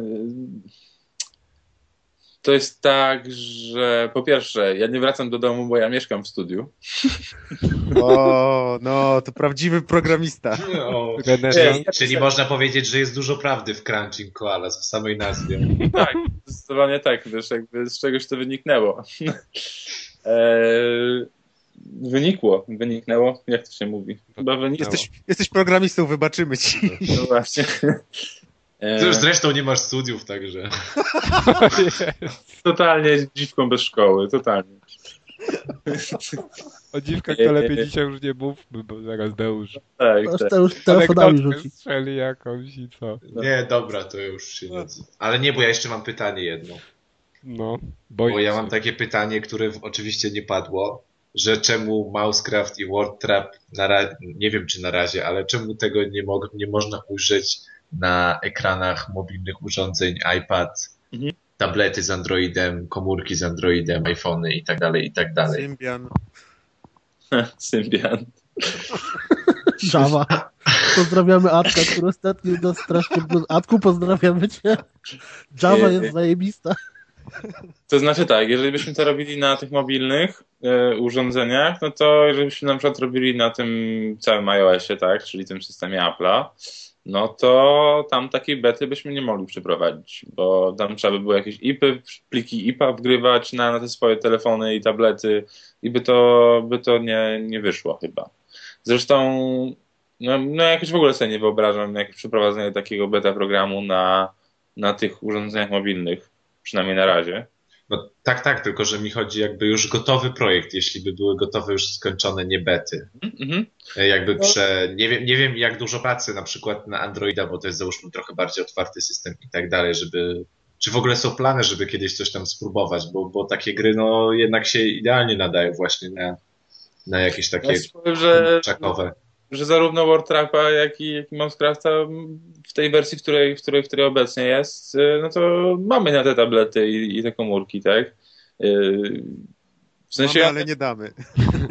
mamy, ale trochę nie damy, bo, bo to wynika z tego, że tak naprawdę nie wiemy, kiedy, kiedy, kiedy je skończymy, tak? W sensie e, najpierw chcemy się skupić na, na tych pecetowych jakby wersjach i dopiero później jakby uderzyć e, w te, w te, w te komórkowe.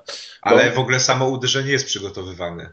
Tak, tak, zdecydowanie tak, tylko że wiesz, jakby mm, może się okazać, że na przykład jedna z tych gier nie wypali, A nie, no jasne, jasne. ktoś się nie przyjmie, albo kurde ktoś e, szybko przez dwa miesiące zrobi podróbkę, która wiesz, jakby zniszczy nam totalnie jakby launch e, gry, czy coś w tym stylu, wiesz, jakby różne sytuacje mogą się zdarzać. Mm, Jeżeli na przykład gra się totalnie nie przyjmie i wszyscy powiedzą, że, jest do dupy i w ogóle, w ogóle spadajcie z tym, to wtedy nie ma sensu, wiesz, wydawać tego Mm, na, na, na urządzenia mobilne, tylko to poprawić i, i ewentualnie później wydać. Albo, albo po prostu zostawić i robić coś innego. Więc, więc jakby nie, nie chwalimy się tym, no ale jakby plany są i te obydwie te gry jakby dużo nie stracą, w sensie na przykład graficznym, tak, na, na przeniesieniu na komórki. Jasne. Okej. Ale to też trochę wynika, jeśli dobrze rozumiem, z, z nazwijmy to zalet Unity, tak? Że Tak, tak. on jest takim, właśnie tak jak mówiłeś tam wcześniej, że jest silnikiem multiplatformowym, tak? No. czyli łatwo się przerzucać między, między tym. platformami. Tak, no akurat jeżeli chodzi o, o, o, o różnicę pomiędzy y, zrobieniem gry na Androida i, i tamtego iOS-a, tak, no to, no to u nas to jest jakby przeportowanie wszystkich kasetów, w sensie wszystkich tekstur, przekompresowanie jeszcze raz, co zwykle zajmuje do 5 minut. Więc ja w 5 minut mogę jakby się przerzucić z jednego na drugi i to nie jest żaden problem dla mnie. To jest taki y, ten y, Word Trap całkiem Mhm. przyjemnie by się na tabletach sprawdziło, tam tylko można te literki Tak. poklikać i, i super by się w to grało, czy na telefonie nawet. Tak, powiem ci, fajnie się gra. O, Żałuj, że nie pograsz. tak. Nie, no pograsz, pograsz, no tylko wiesz, tylko po prostu co, no teraz powiem, że będzie, że, że będzie. No i, i powiem, że będzie i I nie będzie. Bo I, nie Już powiedziałeś. Na dobre rzeczy warto poczekać. Ojej. One będą, ale nie wiadomo kiedy, no. No Dobra. bo No, fajnie. równie dobrze mogą być na przykład, kurde, mogą być na przykład od razu po premierze PC-owej, a na przykład mogą być, nie wiem, pół roku później, bo stwierdzimy, o tam załóżmy leveli jest mało, trzeba trochę dorobić i wtedy dopiero wydamy na tam iPhone'a, tak? E, Nie wiem, no, zobaczymy jaka będzie sytuacja. Mhm. Okej. Chyba No dzisiaj panowie... jeszcze taką rzecz, no. bo ym, ostatnio teraz, zwłaszcza w ostatnich kilku dniach się dosyć głośno o tym zrobiło, a pamiętam z, z wcześniejszych postów y, Crunching Colas na Facebooku, Mhm. że wy tak dosyć y, z, z pewnym optymizmem, jeśli tak można w ogóle powiedzieć po polskiemu, e, patrzyliście na UE. Że, że to może być całkiem interesujące miejsce dla, dla właśnie jakiegoś młodego studia, dla, dla młodych deweloperów, czy dla mm, takich takich y, prostszych trochę, czy tam, jak to mówisz, midcore, tak? Tak, tak, tak. tak. Czy Midcore taki, Games? taki, taki gier pośrodku, tak? Tak, dokładnie, takich gier po środku. No a ostatnio się trochę szambo rozlało w sumie z, z, z tą ują, bo te, te, te, to, co wypłynęło do tej pory, to tak trochę ludzie to niezbyt pozytywnie, pozytywnie odebrali. Mm, Potrafiłbyś nawet- jakoś powiedzieć, czemu twoim zdaniem to może być strasznie fajna sprawa? Ja, ja, ja już kiedyś tak do, kiedyś, kiedyś gdzieś już o tym mówiłem, e, jak to było, ale to było tak, że my żeśmy zaczęli pracować nad e, World Trapem w momencie, kiedy oni ogłosili konkurs na zrobienie gry na UE. E, I za ten konkurs były spore pieniądze do wygrania. E, I my stwierdziliśmy, bo to jest konsola oparta na Androidzie, że tak naprawdę może poświęcić na to tydzień, dwa, czy tam, no załóżmy tydzień, tak? I, i przerobić to na, na, na tą UE i spróbować wystartować w tym konkursie. A, no i tak, wiesz, jakby wtedy zaczęliśmy się jej przypatrywać i, i wtedy wyglądało to całkiem nieźle, w sensie jakby założenia były w porządku. A, w końcu jakby nie udało nam się przejść do dalszej, do dalszej fazy tego konkursu, nie wygraliśmy nic i, i trochę przestaliśmy się tym przejmować, bo konsola i to, co oni robią na razie wygląda kiepsko, no.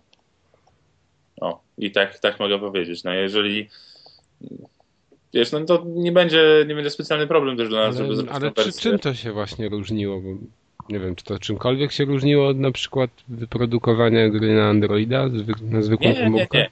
Praktycznie nie, tylko trzeba było użyć, wiesz, oni mieli tam jakieś swoje, swoje jakby paczki takich jakby bibliotek, które trzeba było zaimportować i, i, i trochę tam pogrzebać i głównie po to, żeby, żeby pada obsłużyć i żeby obsłużyć im te, ich te jakieś tam systemowe, wiesz, jakby a, no takie jakby mhm. wydarzenia systemowe, tak, takie jakieś eventy w stylu, nie wiem, kurde. Achievementy ichniejsze. Wyjść z gry, tak?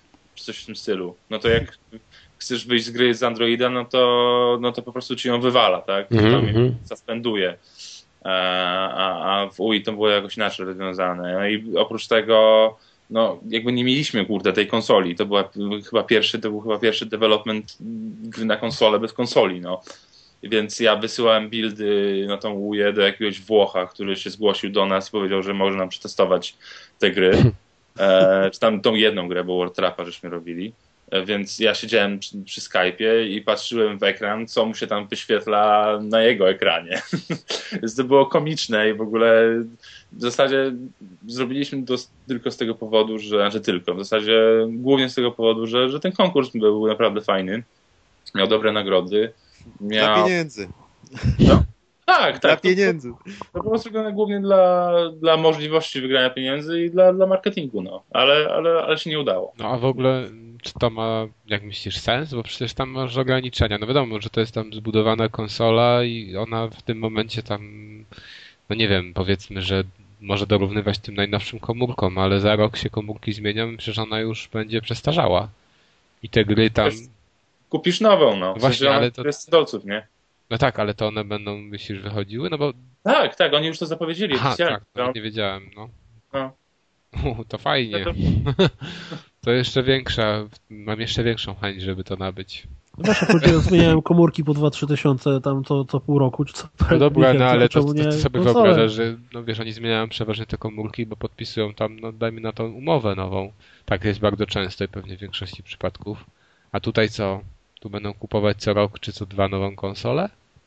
No, ale też Wiesz, tylko jeżeli to będzie tak tanie, to, ale tak, to, to ale oni mogą tylko i wyłącznie tym jakoś sobie ugrywać. No dobra, załóżmy, że 100 dolców, które będziesz miał, bo do, dorzucisz do tego jakiś abonament na gry, ja, bo ja nawet nie wiem, jaki to będzie model wiesz, sprzedawania gier. Czy to będzie zwykły sklepik, czy tam będzie... Tam jest, tam jest sklep właśnie, z którym są straszne problemy, bo oni sobie założyli, że każda gra musi mieć y, jakby pewien bezpłatny fragment. Znaczy, każda gra musi udostępniać bezpłatny fragment, tak? Musi mieć jakieś demo bezpłatne.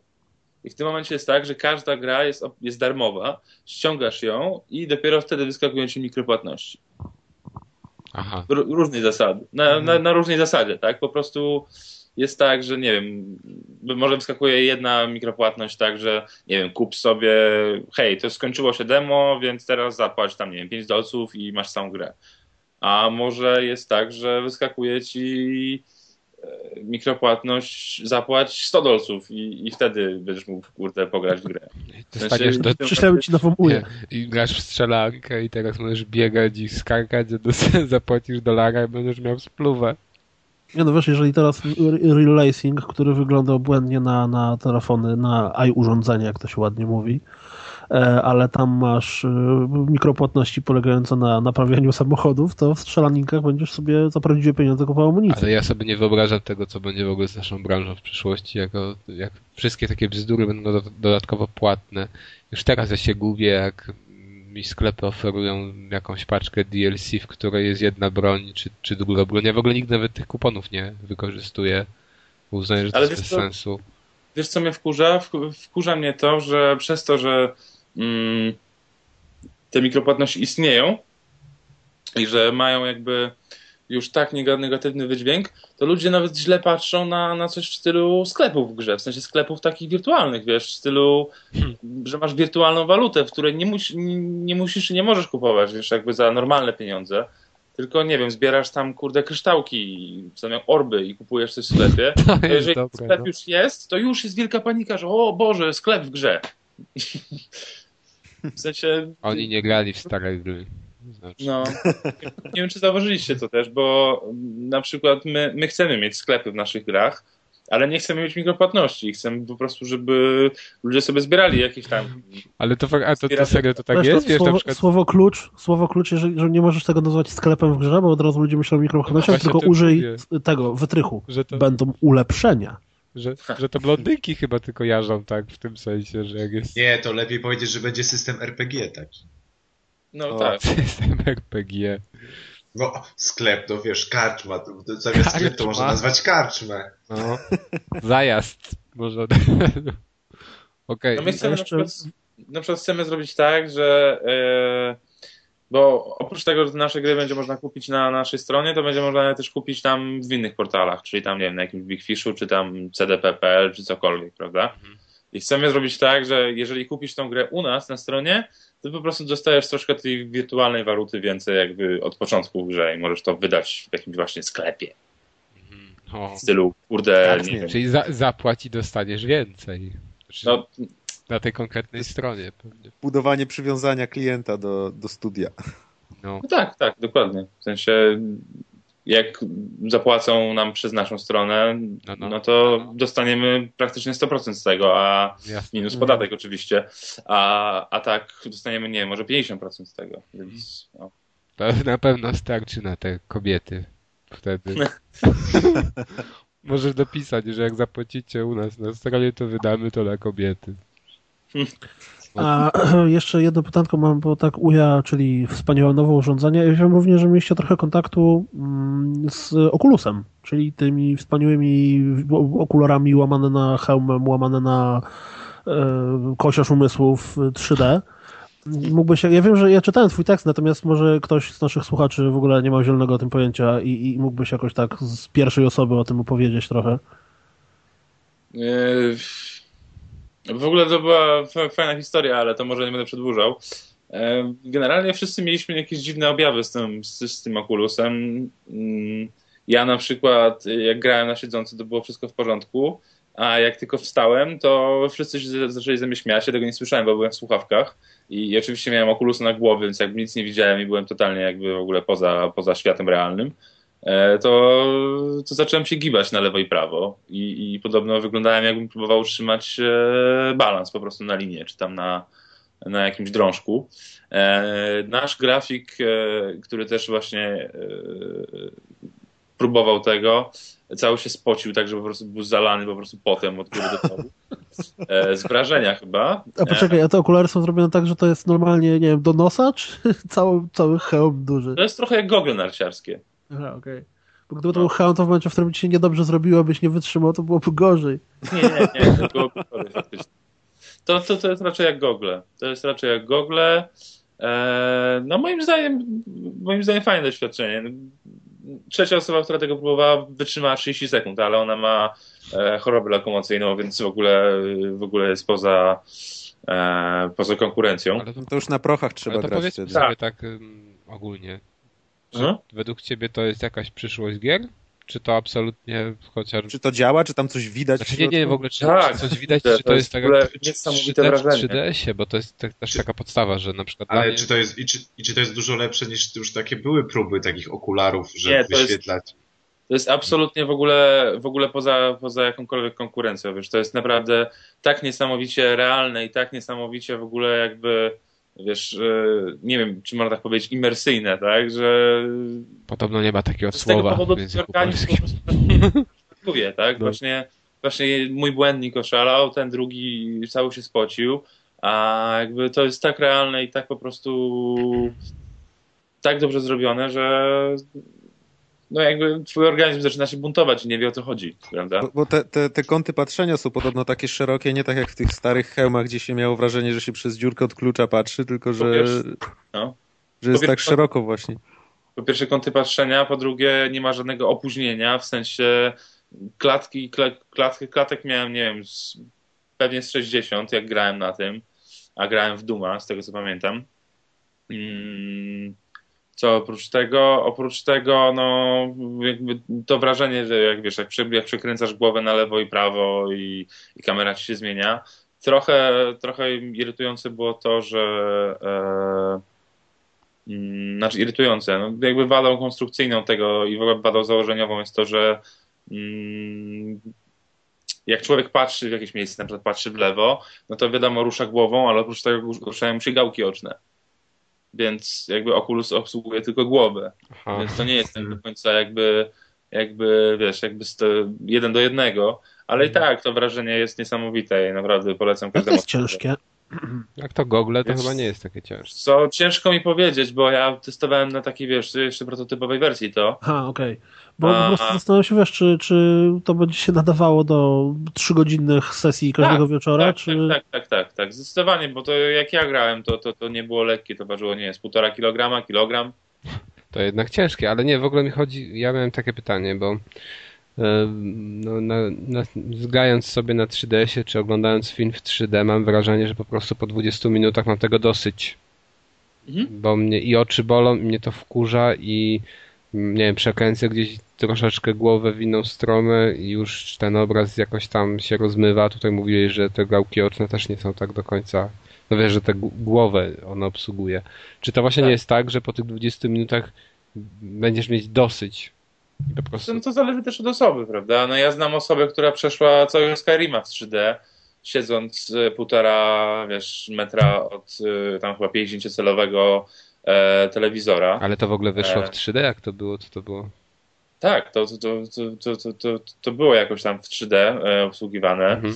E, ja wiem, że wiesz, ona, ta osoba grała 120 godzin w Skyrima w ten sposób. Z Więc... otwartym oknem siedząc w skórach y, jakiegoś niedźwiedzia? Dzisiaj No, już nie widzi. Taka full imersja. Jak grasz w Skyrima, to otwierasz okno i nie wiem, żona cię sypie śniegiem z lodówki. I tylko eliksiry się pije. Tak, I są tak. wieszaki, Deusz, wieszaki na zbroję. No. To też chyba zależy od osoby. Ja bym na przykład nie mógł wytrzymać chyba też.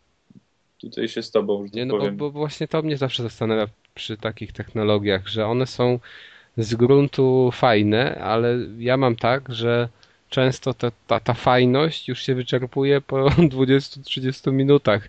I tak samo jest na przykład, nie wiem, z Kinectem, z iToyem i tak dalej, z Move'em, że to się właśnie wydaje fajne, ale tylko, tylko na bardzo krótkie sesje. Mhm. Mam wrażenie, że z tym może być podobnie. Słuchaj, była jedna, jedna dodatkowe akcesorium do konsoli, które moim zdaniem jest y, hitem, było, jest i będzie hitem niezniszczalnym i przegrałem przy tym prawie że dziesiątki godzin, czyli SingStar. SingStar. No. Ale to jest jednak, to wiesz, tutaj jest coś innego, bo no, no nie wiem. Wydaje mi się, że to No ja powiem, że wszelkie muzyczne te, te, te, te dostawki to, to Ale u nas. SingStar jeszcze jest o tyle specyficzny, bo na przykład masz te Guitar Hero, bo tu mówisz, że inne przystawki. Ja na przykład sądzę, że Guitar... Ja, ja grałem w Guitar Hero praktycznie przez dwa dni, tak Mhm. naprawdę, a później mi się to znudziło.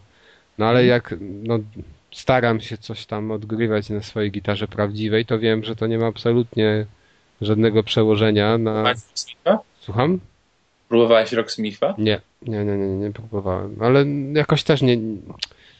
No nawet nie chciałem tego spróbować. Nie wiem dlaczego, ale nawet mnie to nie, nie, nie korciło. Bardzo fajny, powiem ci, bardzo Tak? fajny. No, jak, No. jakoś nie wiem, nie miałem nigdy chęci, może kiedyś to. No to normalną gitarę podłączysz, prawda? Wiem, ale tam on pokazuje, jak masz grać w danej szybkości. Ja tak chyba bym nie potrafił na szybko, wiesz, że on mi pokazuje, z tego czytam i jadę. Albo no, widocznie może nie jestem tak dobry, ale sądzę, że Wiesz to- to irytowało. To jest fajne, bo tam poziom trudności się e, jest, zawsze zaczyna się od jakiegoś tam punktu zero Mhm. A, i on się po prostu dostosowuje do tego, jak ci idzie. Czyli jak tam na przykład pięć razy zagrasz dobrze, dobrze nutkę, to dodaje ci kolejną. Jak te dwie kolej, jak te dwie zagrasz załóżmy znowu razy, znowu pięć razy, to dodaje ci dwie kolejne. i w ten sposób uczysz się kawałków i bardzo fajnie widać, sam widzisz progres tego, Mhm. wiesz, jakby... Ale tam jest Tak. jakaś przystawka, tak? Do, do konsoli, żebyś mógł podłączyć tę gitarę? Czy jak to jest w to jest-? To jest zwykły kabel USB duży cinch. Aha, I tyle. Taki kabel można nawet kupić w zwykłym sklepie muzycznym. aha, okej. Ale kosztuje mniej więcej tyle samo, co gra, więc jakby nie opłacasz. się. Nie, no to nie wiem, może kiedyś spróbuję. W każdym razie Ja gdzieś słyszałem jakieś, jakieś stwierdzenie, że podobno jeżeli ktoś już chce się bawić rozmyślem, to jednak lepiej na PC, Mhm. bo podobno na konsoli są lagi jakieś takie, nie wiadomo A, nie skąd wiem. niby się biorące. Co prawda ja słyszałem też, że są lagi przy, przy Rock Bandzie czy przy Guitar Hero, ale No ja to jakoś wiesz, nigdy to ich ludzie na zawsze oczy lagi nie łapią. doświadczyłem. Lagi.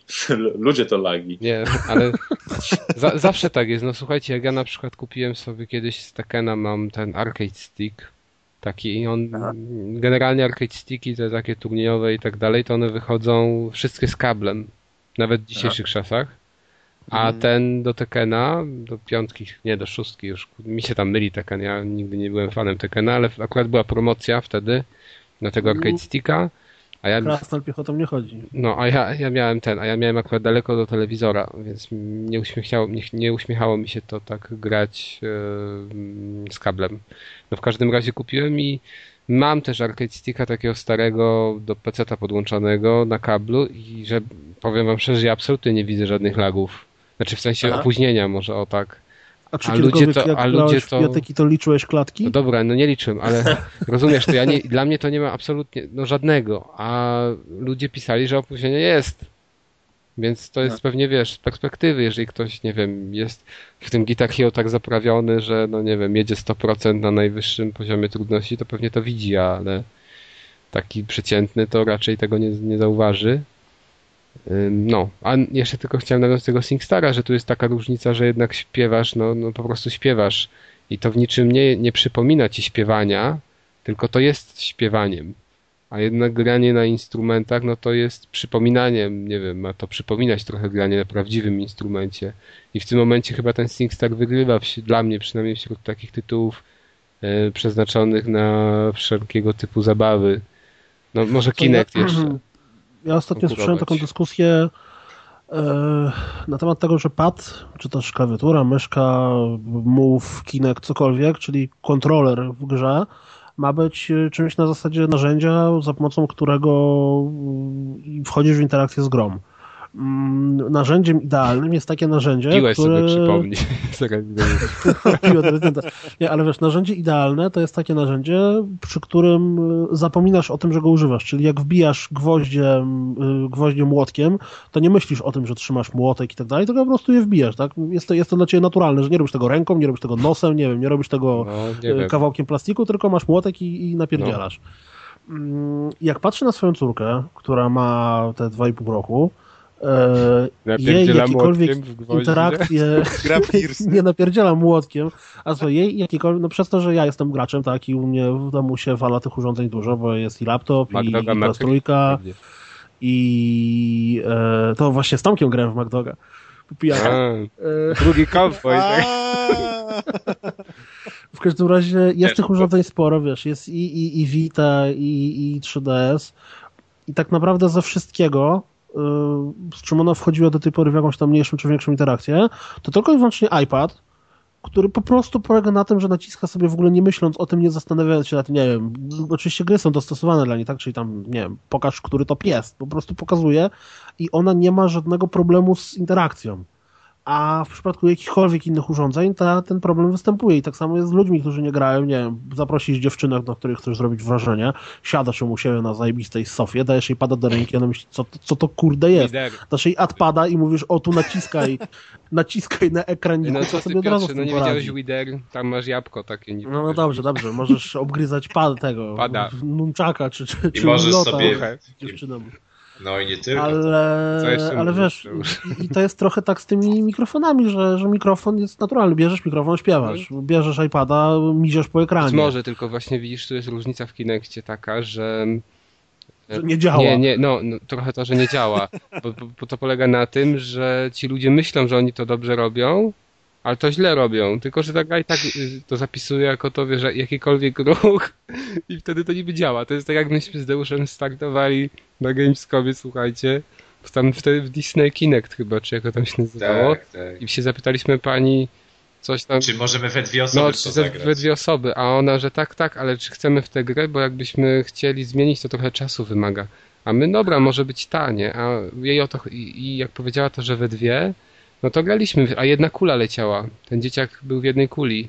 I myśmy obydwoje stali przy tym ekranem i każdy na tym... Myśleliśmy, że sterujemy jedną kulą. No nie? i w końcu, wiesz, no i myśleliśmy chyba, że nie, że to jakoś, no, dajemy radę. Tak. Później... Ale potem przyszliśmy na to stanowisko i się okazało, że multiplayer to po prostu powinien być podzielony Tak. ekran i każdy mieć swoją kulę. Ale my i tak dojechaliśmy do końca No. i nawet nieźle nam szło. Nie, no no i właśnie na tym to polega, że ty nie wiesz w zasadzie, że ty źle robisz.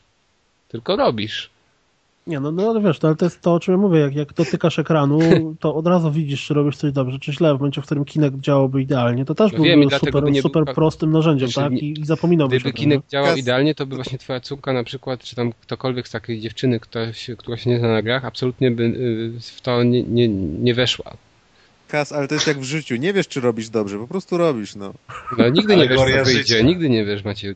Nie wiesz, no nie wiesz, no, po prostu robisz. No może wyjść w te, może wyjść we w ten, wiesz. Musisz się oswoić z tym. I No, jak to, jedno, tak- jedno wejście, kilka wyjść. O Jezus, serio, Deusz? To mi się tylko kojarzy z czymś sztucznym, jak ma jedno wejście i wyjście z innej strony, ale okej. Dziwna, dziwna strona. Wracając do, do, do Crunching Colors, jeszcze jedno pytanie mam. E, Bo generalnie jak się nad tym zastanawiałem, to w sumie cały pomysł z tym programem beta, czyli udostępniania jakichś wczesnych wersji gier, nie jest zbyt popularny, jeżeli bym nawet nie powiedział, że to jest chyba pierwsza taka sytuacja, w której, w której znaczy pierwsza taka opcja, którą sobie kojarzę. Ja nie wiem, czy, czy, czy wcześniej było coś takiego. Jak na to wpadliście i, i generalnie mm, jak z y, tym ojejku, z informacją zwrotną, którą dostajecie, ja- jak to oceniacie już? Bo to w sumie już były dwie wersje, bo teraz mówię, że niedługo będzie kolejna. Mm, Ja, jak to w sumie, skąd to się wzięło, jak to oceniasz po fakcie? O. Wiesz co, to się wzięło e, z doświadczenia trochę Maćka i, i Konrada, właśnie tych, e, tych naszych e, jakby inwestorów powiedzmy, którzy wcześniej właśnie działali na tym rynku casual i tam na tym rynku casual ten cały Big Fish Games miał taki, mm, taki system jakby ewaluacji gier. I oni mieli jakby swoją własną bazę beta testerów, w sensie Big Fish Games. I oni, jak wrzucałeś im grę i chciałeś ją sprzedawać na swoim portalu, po prostu dawali ją swoim testerom i, i, i na podstawie ankiet i jakichś tam a, średnich wyników ty, z tych ankiet e, decydowali, czy ta gra w ogóle będzie na portalu, e, czy będzie normalnie sprzedawana, czy może będzie sprzedawana w jakiejś super cenie i w ogóle jako Collector's Edition, e, co tam, wiesz, jakby w, casualowym świecie jest w ogóle wow, Collector's Edition, Jezus Maria. E, nieważne. E, no i, i, i, i, ci nasi inwestorzy, Maciek z Konradem, oni w, w momencie, kiedy Fish Games wprowadziło to u siebie, oni też to u siebie wprowadzili wtedy w Codeminion i też mieli swoją bazę e, beta testerów, którzy teraz jakby e, z czasem jakby przechodzą do nas, co, co, co, co nas cieszy. E, no i oni mieli właśnie tą, tą, tą własną bazę i dzięki temu mogli reagować na, e, na niektóre rzeczy wcześniej, tak? W sensie jakby nie musieli jakby robić gry do końca i dopiero wysyłać ją do, jej, jej do Big Fisha, tylko mogli wcześniej reagować na, na różne rzeczy, yy, na jakieś różne jakby rzeczy, które były niejasne albo, albo niefajne dla graczy. No i oni nam to zasugerowali, my byliśmy w ogóle na początku zdziwieni, jak to przecież dawać grę za darmo, nieskończoną, w ogóle o co chodzi. I jakby na początku jakby nie, potrafiliśmy, nie potrafiliśmy tego skumać, ale tak jak mówiłem, no dogadywaliśmy te różne rzeczy przez 6 miesięcy, więc e, po 6 miesiącach już byliśmy tylko na tak, e, jak to wszystko przemyśleliśmy. Mm.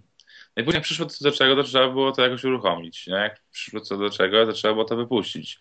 Jak trzeba było to wypuścić, no to stwierdziliśmy, że kurde, nie będziemy tego trzymali przecież tajemnicy, przecież to zaraz tak wszystko wyjdzie. Więc stwierdziliśmy, że okej, okay, no bierzcie sobie, róbcie sobie co z tym chcecie. No, dawajcie filmiki, a, nie wiem, wrzucajcie screeny, piszcie o tym, gdzie możecie. No i jak zobaczyliśmy, że ludzie już sami zaczynają pisać, to ja stwierdziłem, że kurde, to jest dobry moment, żeby to jakoś też zareklamować i zacząłem jakby wysyłać press release'y i, to się zaczęło jakoś kręcić, ludzie zaczęli o tym pisać, więc stwierdziłem, że bomba super, no to trzeba to ciągnąć po prostu później i trzeba z tego jakoś skorzystać. No. Także to wyszło A z doświadczenia, B później tak już trochę ewolucyjnie. O. No to jest trochę podobne do tych rzeczy właśnie, które się na Kickstarterze dzieją, gdzie Tak. ci, którzy zapledżowali, mogą sobie wejść na tajne forum i tam Tak, pokazują im te, te wczesne wersje gry i oni niby mają tam jakiś wpływ na, na to, jak to wyjdzie na końcu, nie? Tak, teraz na przykład e, podobny model jakby developmentu gier ma e, kurde, nie pamiętam jak to studio się nazywa, no i teraz robią Prison Architect. Tylko, że to jest o wiele większa gra oczywiście. E, nie wiem, czy kojarzycie tą grę?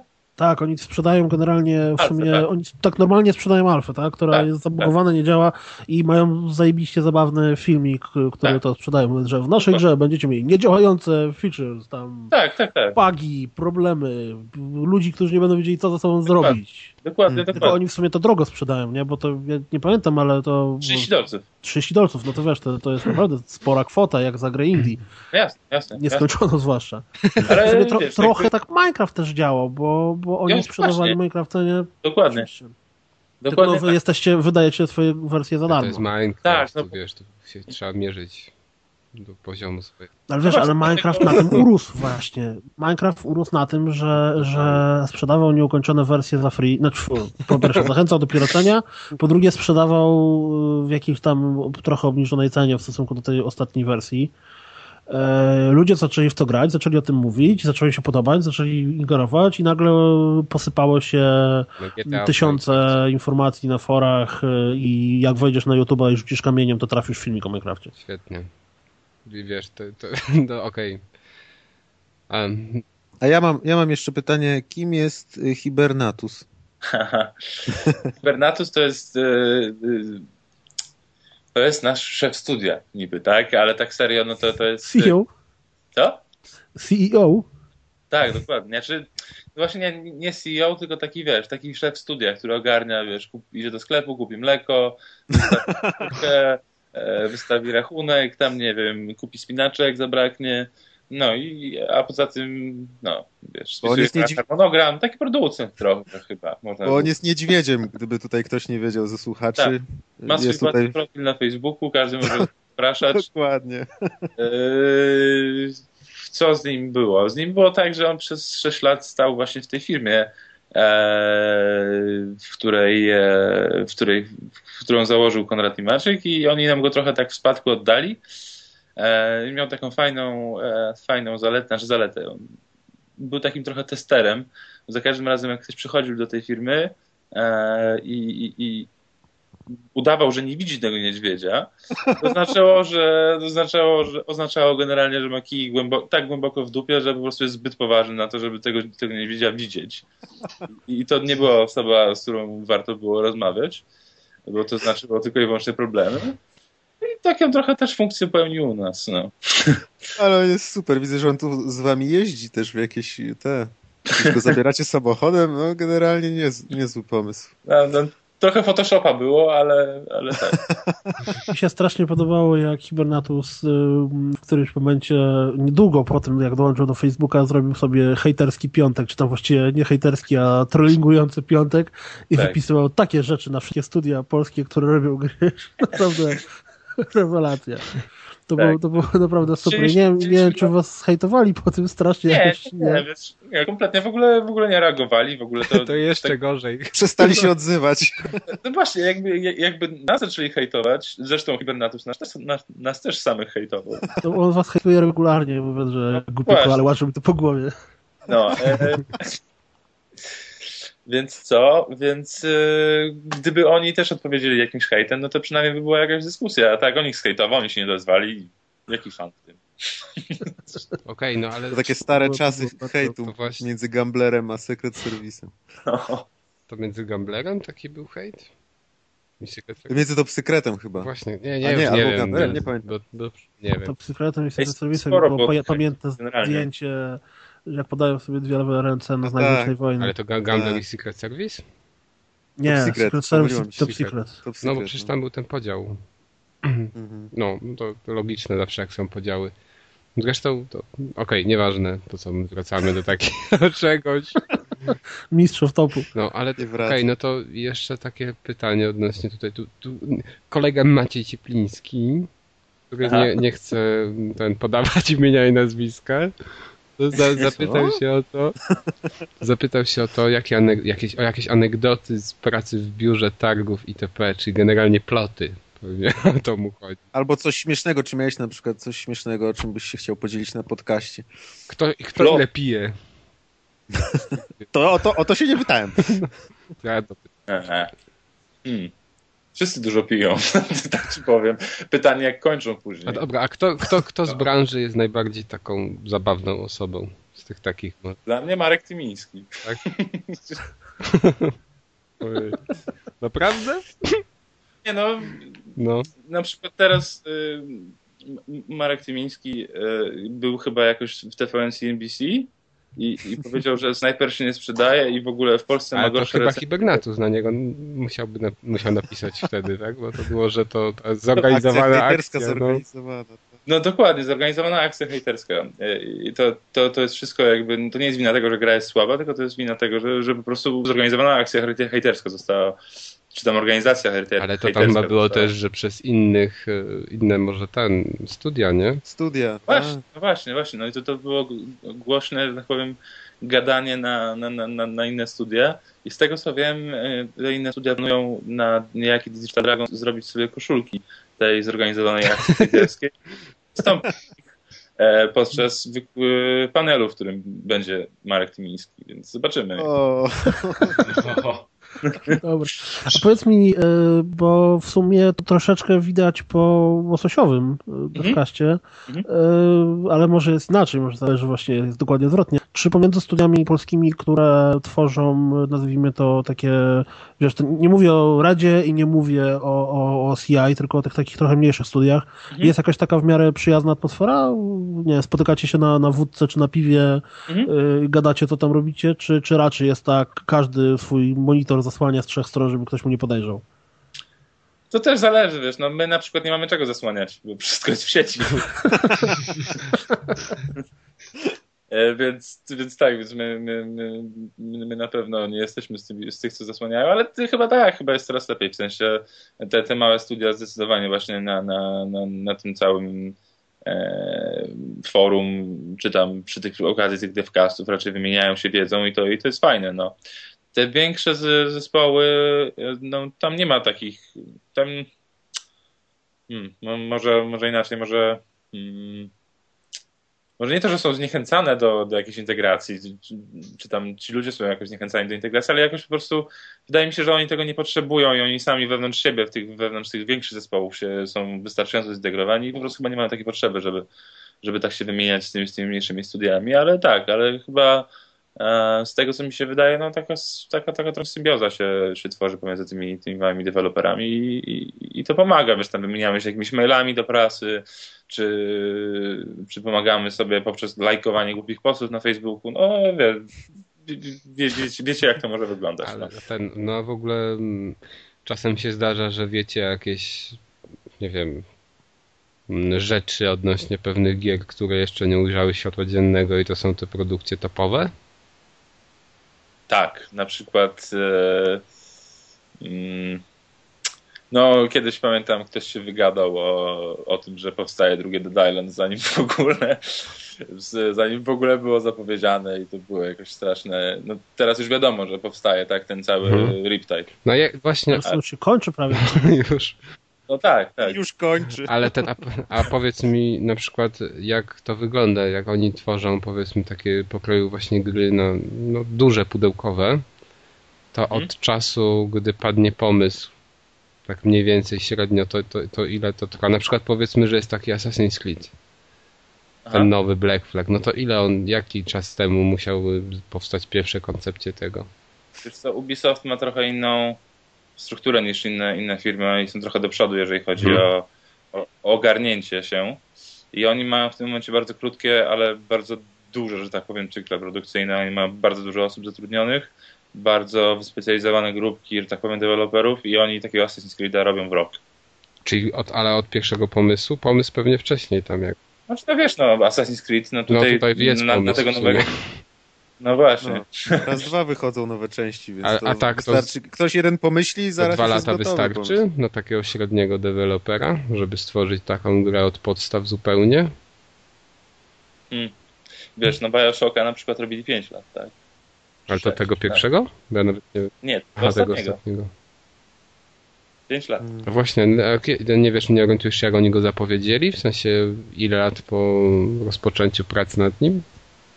Nie wiem, nie wiem, ale, ale wiem, że w 2011 roku był już gameplay najlepszy. Mhm. Więc półtora roku temu był już gameplay i już wyglądał dobrze. Więc oni przez półtora roku, wiesz, no... No pisowali tą grę. Okej, no to jeszcze mam takie pytanie, czy na przykład, już nie wiem, Wiesz, da się też, da się też małe projekty robić bardzo długo.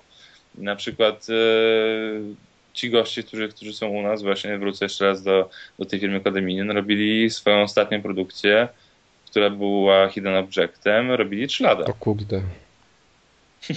No, by, by, byli w 5 osób, czy tam 4, czy tam 4 czy 5 osób. To, To musieli to nieźle pochować te obiekty wszystkie, jak trzy lata je chowali. Nikt tego nie znajdzie już potem. No, no. Oni robili ją 3 lata, ale się opłaciło, bo chyba do dzisiaj jest jakby jednym z lepszych wyników sprzedażowych. Oni tam chyba z 400 czy 500 tysięcy egzemplarzy sprzedali, co jak wiesz, na takie tego, typu gry to jest w ogóle w ogóle, wiesz, jakby Kos- kosmos. wow. No kosmos, kosmos, szczególnie, że takie gry by one tam po, po 10 dolarów chodziły. Jak to robiło 5 osób, to można sobie policzyć, jaka to jest marża. Mhm.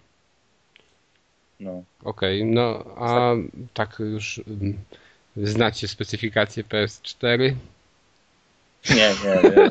W sensie, w sensie specyfikacja to chyba już jest, jest, już znana, No, tak? do W sensie końca nie jest właśnie podali. chyba. No, ale może się myli, bo ostatnio nie śledziłem tych najnowszych wiadomości odnośnie, bo to Harek o tym zawsze pisał. Ja wiem, że tam parę osób było, było ostatnio w Londynie odebrać devkity, bo była jakaś konferencja Sony, Mhm. Także oni pewnie już znają, no ale pewnie nie mogą mówić. Czy wiesz, to z devkitami to różnie może być, bo przecież e, Tak. Go- Gorillaz Games się tam e, strasznie Tak, zaskoczyło, jak narobili na, na, na 2 giga, nagle się okazało, że będzie No więcej. właśnie, bo to nie wiem, Tak. czy nie Guerrilla Games, czy ktoś inny, już teraz nie pamiętam, Tak, mówił, tak, Gorilla że... Games. Oni, oni robili tego Killzona na, Nie, nie, nie, nie, na, nie. na tym, co dostali od Sony. Ale ja nie wiem, czy to oni mówili akurat w tym guście, o czym ja mówię, bo wiem, że opisałem newsa, już teraz nie pamiętam o którym studiu, może Guerrilla, że tak w zasadzie to oni sami do końca nie wiedzą, czym będzie PS4 w tym momencie, to było z 3 tygodnie temu, nie?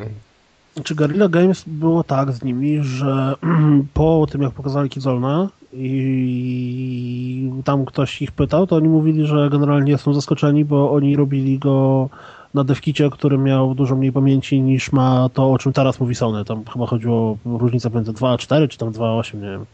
4A8. A, no, czy 4.8 w ogóle. Albo, Natomiast... albo y, A wiesz, że Sony, znaczy Sony dołożyło tego ramu, bo po prostu Xbox ma więcej tego ramu w tym momencie. W sensie Durango, Xbox, tak? Xbox. Nie no, podobno Xbox, Xbox, always on. Xbox 720 czy coś tam.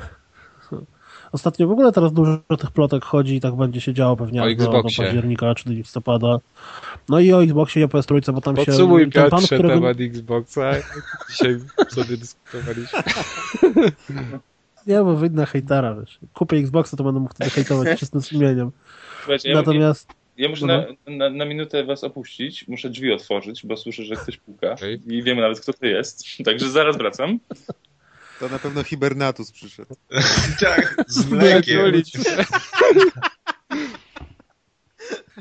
Na kolację. E, a, a co do plotek, to ostatnio tam ktoś tego. Ja nie mam pojęcia, jak się tego pana nazywa, ale ten szef Ubisoft Montreal się chwalił, że. Znaczy chwalił taki Sony, że ale PS4 będzie super, wspaniała w ogóle, jest prawie jak PC-tem i tak łatwo się na tym gry robi. Aha, magia. No zawsze jest magia na początku. No, magia jest zawsze do tego momentu, jak konsola wychodzi. Dopiero nie? do tego, aż pierwsza gra wyjdzie. Później magii nie ma. A to tak jak już hejtujemy, znaczy jeszcze nie hejtujemy, co, jak tam wam się podoba po- te, te ploty, które o Xboxie No, latają? że always on.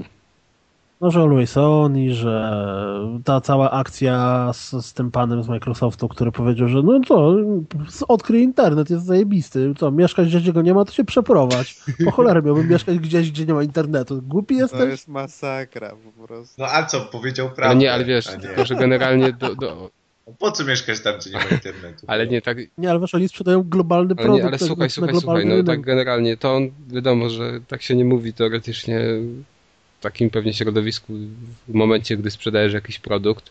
Tyle, że chyba tu jest takie założenie, że i tak przecież ta jego wiadomość nie dotrze do ludzi, którzy, którzy mieliby problemy z takimi sprawami. Więc wiesz.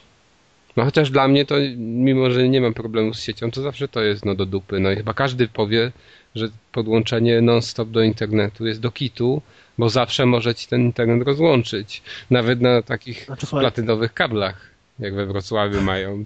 Słuchaj, no ostatnie przypadki z, z y, PC pokazały, że Always On może być bardzo złym No, to pomysłem, bo i przy SimCity to była masakra, i przy Diablo 3 to była masakra. Przy wszystkim to była masakra w zasadzie, przy tych większych przy każdym, no, przecież Assassin's Creed któryś też miał, miał DRM, który No. polegał na tym, że musiałeś być non-stop podłączony, po czym oni bardzo Usunęli szybko się go. z tego rakiem wycofali, bo okazało się, że generalnie ludzie zakładają sobie własne pirackie serwery. Zresztą już to, jestem, to, z, no, hejtujemy teraz pomysł y, Xboxa Always On. Aha. A widzieliście No. te komentarze tego, tego dyrektora studia?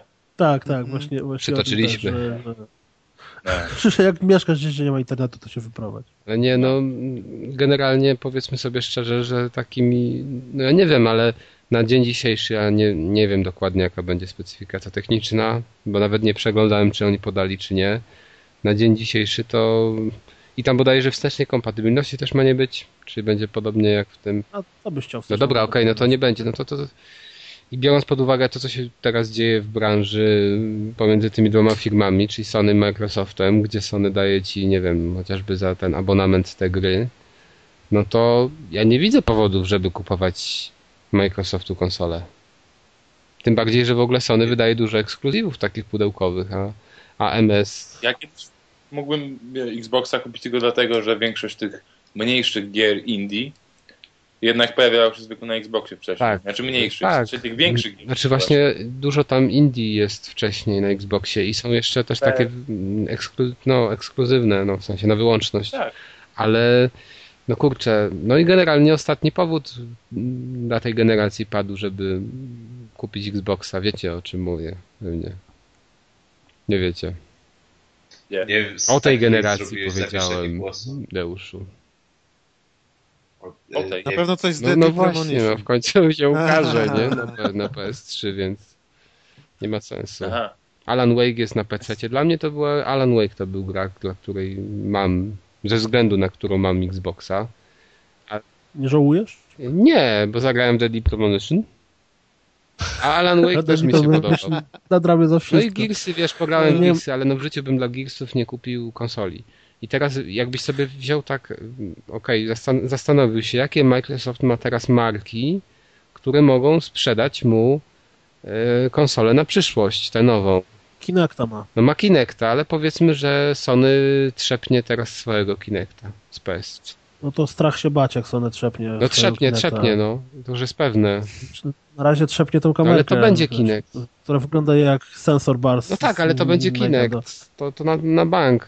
Tylko, że Mów- Mówi się, że, mówi się, że Microsoft e, po prostu trochę troluje graczy w tym momencie i mówi o tym cały czas online, a tak naprawdę na trzy wyjdą i pokażą, że są, są wspaniali i nie będzie i tylko... będzie, dzie- dziękujemy ci, Microsoft. Tak, dziękujemy Ci o. Czyli jak z tym żartem o kozie, tak?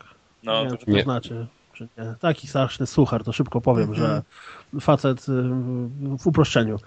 Gość generalnie poszedł do księdza. Facet w uproszczeniu gość. Tak, przyszedł do księdza narzekać, że ma strasznie źle w domu, że kurczę, żona, czworo dzieci, jedno pomieszczenie, jest masakra w ogóle, tragedia.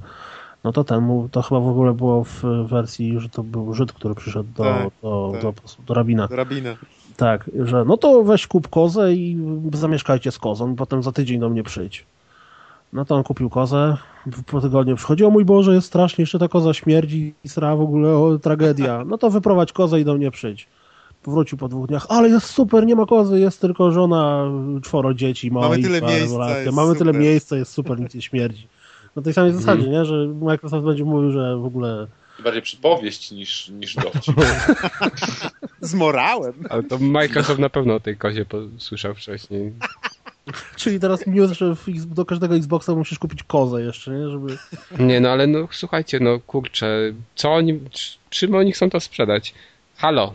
Czy wiesz co, ja się troszkę obawiam, Forza, Halo i Forza i tak dalej. Gearsy. ja się troszeczkę obawiam, że patrząc na to, co teraz, z czego teraz Microsoft najbardziej żyje, i takie ploty też się pojawiły, że nowa konsola Casual. będzie tylko w części konsolą. Nie, wiesz co, nawet nie chodzi mi o casual, tylko że e, Netflixy to tak będzie dalej. urządzenie, które będzie tobie służyło do wielu rzeczy, z czego 3 czwarte tak nie będzie działo w Polsce, właśnie jakieś VOD, jakieś usługi streamingu, jakieś aplikacje, dzięki którym, nie wiem, przez Kinecta sobie zabukujesz e, hotel na narty, Nie, no ale wiesz, ale to, to, to jest generalnie to, o czym ja zawsze mówiłem, że jak oni zwietrzą, że kasa jest w czym innym, nie wiem, czy chociażby w tym, że wiesz, żeby zrobić coś takiego, jak ty mówisz, czyli centrum multimedialne plus gry jako dodatek, no to, to nie będzie za ciekawie i tak się to skończy. Mam nadzieję tylko, że Sony nie pójdzie w tę stronę, bo Słuchaj, ale to jest tak, że rynek, który jest teraz, pozostanie. To nie jest tak, że nagle wszyscy ludzie, wszyscy nie, no wiesz, ale skoro sam- hardkorowi gracze uznają, że teraz będziemy grali w y, gry zingi na Facebooku, tylko Ja wiem, dalej tylko będzie ten weź- rynek. Jeżeli jest rynek, to znaczy, że jest produkt, który można temu rynkowi zaoferować. Jeżeli Microsoft wychodzi z założenia, że oni wolą to sprzedawać mówisz, inny że się to inni znajdą, sprawa. tak? No na 100% tak będzie. Zobacz, jak dużo studiów deweloperskich, które są gigantycznymi korporacjami, y, wyrzuca, wiesz, y, ciężarówki gotówki w, w, w tą branżę. To, co ostatnio tam wyszło z Square Enix, który płacze, że mm, y, te 3,5 miliona domniemywanej sprzedaży Tomb Raidera to jest słabo i, i Sleeping No ale Dogsów i tak przecież dalej. oni... Ale przecież oni Można powiedzieć, że Lara dała po roku dupy, tak? fiskalnym Square Enix, nie? Kas. O Jezu. Za dużo czasu zdążę. Za dużo. Nie, no wiesz, to jest tak, że ta branża jest teraz w takim strasznie dziwnym momencie, gdzie, no bo dla mnie, wiesz, info, Tomb Raider ma się sprzedać, czy też sprzedał się w 3,5 miliona. No to Właśnie super. No.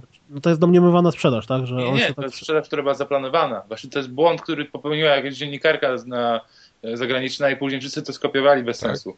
A na wewnętrznym tam jakimś forum, wiesz, Square Enix wypowiadają się ludzie, wiesz, jakby deweloperzy. I oni mówią, że takiej liczby to ta, ta gra dawno, znaczy da, jeszcze długo nie ujrzy, tak? Znaczy na ten, na Vigili Charts, które nie wiem, czy są tak naprawdę pewnym źródłem, było Mhm. chyba 1,6 miliona, 1,8 miliona, właśnie. jakoś tak, jak sprawdzałem jakiś czas temu.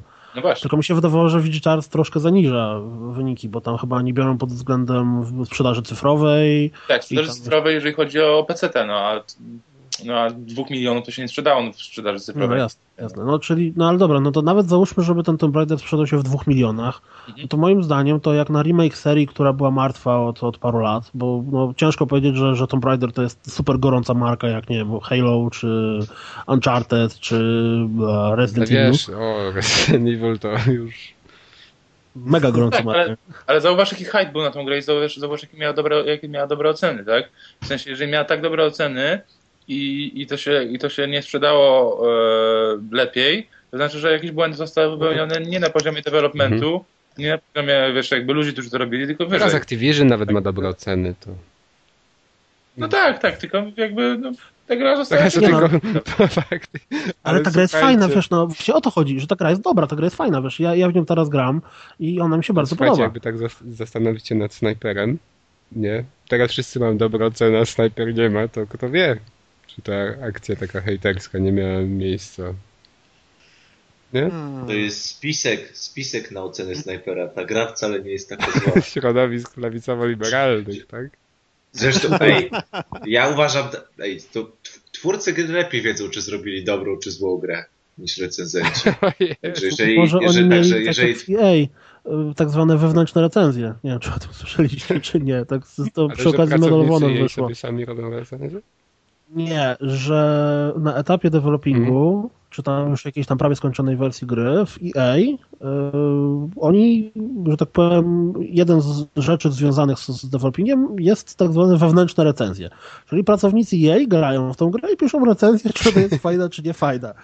No i te recenzje były bardzo pozytywne. Więc po wyjściu Medal of Honor, który został strasznie zjechany, ktoś tam z EA się wypowiadał, że no, on nie rozumie tego, czemu mm, te recenzje gry, które wychodzą teraz w różnych y, na stronach internetowych czasopismach, tak strasznie się różnią od naszych wewnętrznych recenzji. Przecież tutaj nasi fachowcy ocenili, że to jest bardzo dobra gra. Więc może, nie wiem, może tam też tak było. Że w CI mieli swoją własną e, Nie, oni, wiesz, oni. Oni z tego co z tego co ja wiem, oni liczyli na oceny rzędu 6-7. To wys- wysoko 10. aspirowali. No właśnie. Jak 6-7. Wcale tak źle nie wyszli. Tam ile Wiesz, mają no, średnią? to poprzedni snajper, poprzedni snajper przy tych ocenach 6-7, bo on mniej więcej takie Nie, no, miał, trochę. przy, przyniósł Nie. dużo pieniążków. On miał właśnie- wiesz, na poziomie 50 Tak. nawet. No ale właśnie, zauważcie, że, że, że, że no to już jakby jest kolejna gra, widać jak jest oceniana, a mimo to tak, CI oni mają studio w Rumunii, czy mi się coś myli? Zamknęli ostatnio. Aha, zamknęli, ale, ale dalej robią Oni tą zamykają, to grę, znaczy, że dobrze nie jest. ale, da, ale dalej robią tą grę Blacka, tak? tak mm, Nie, ale tego on chyba Black takiego. tam już nie pracuje chyba z nim. On No. chyba odszedł w końcu. Tak.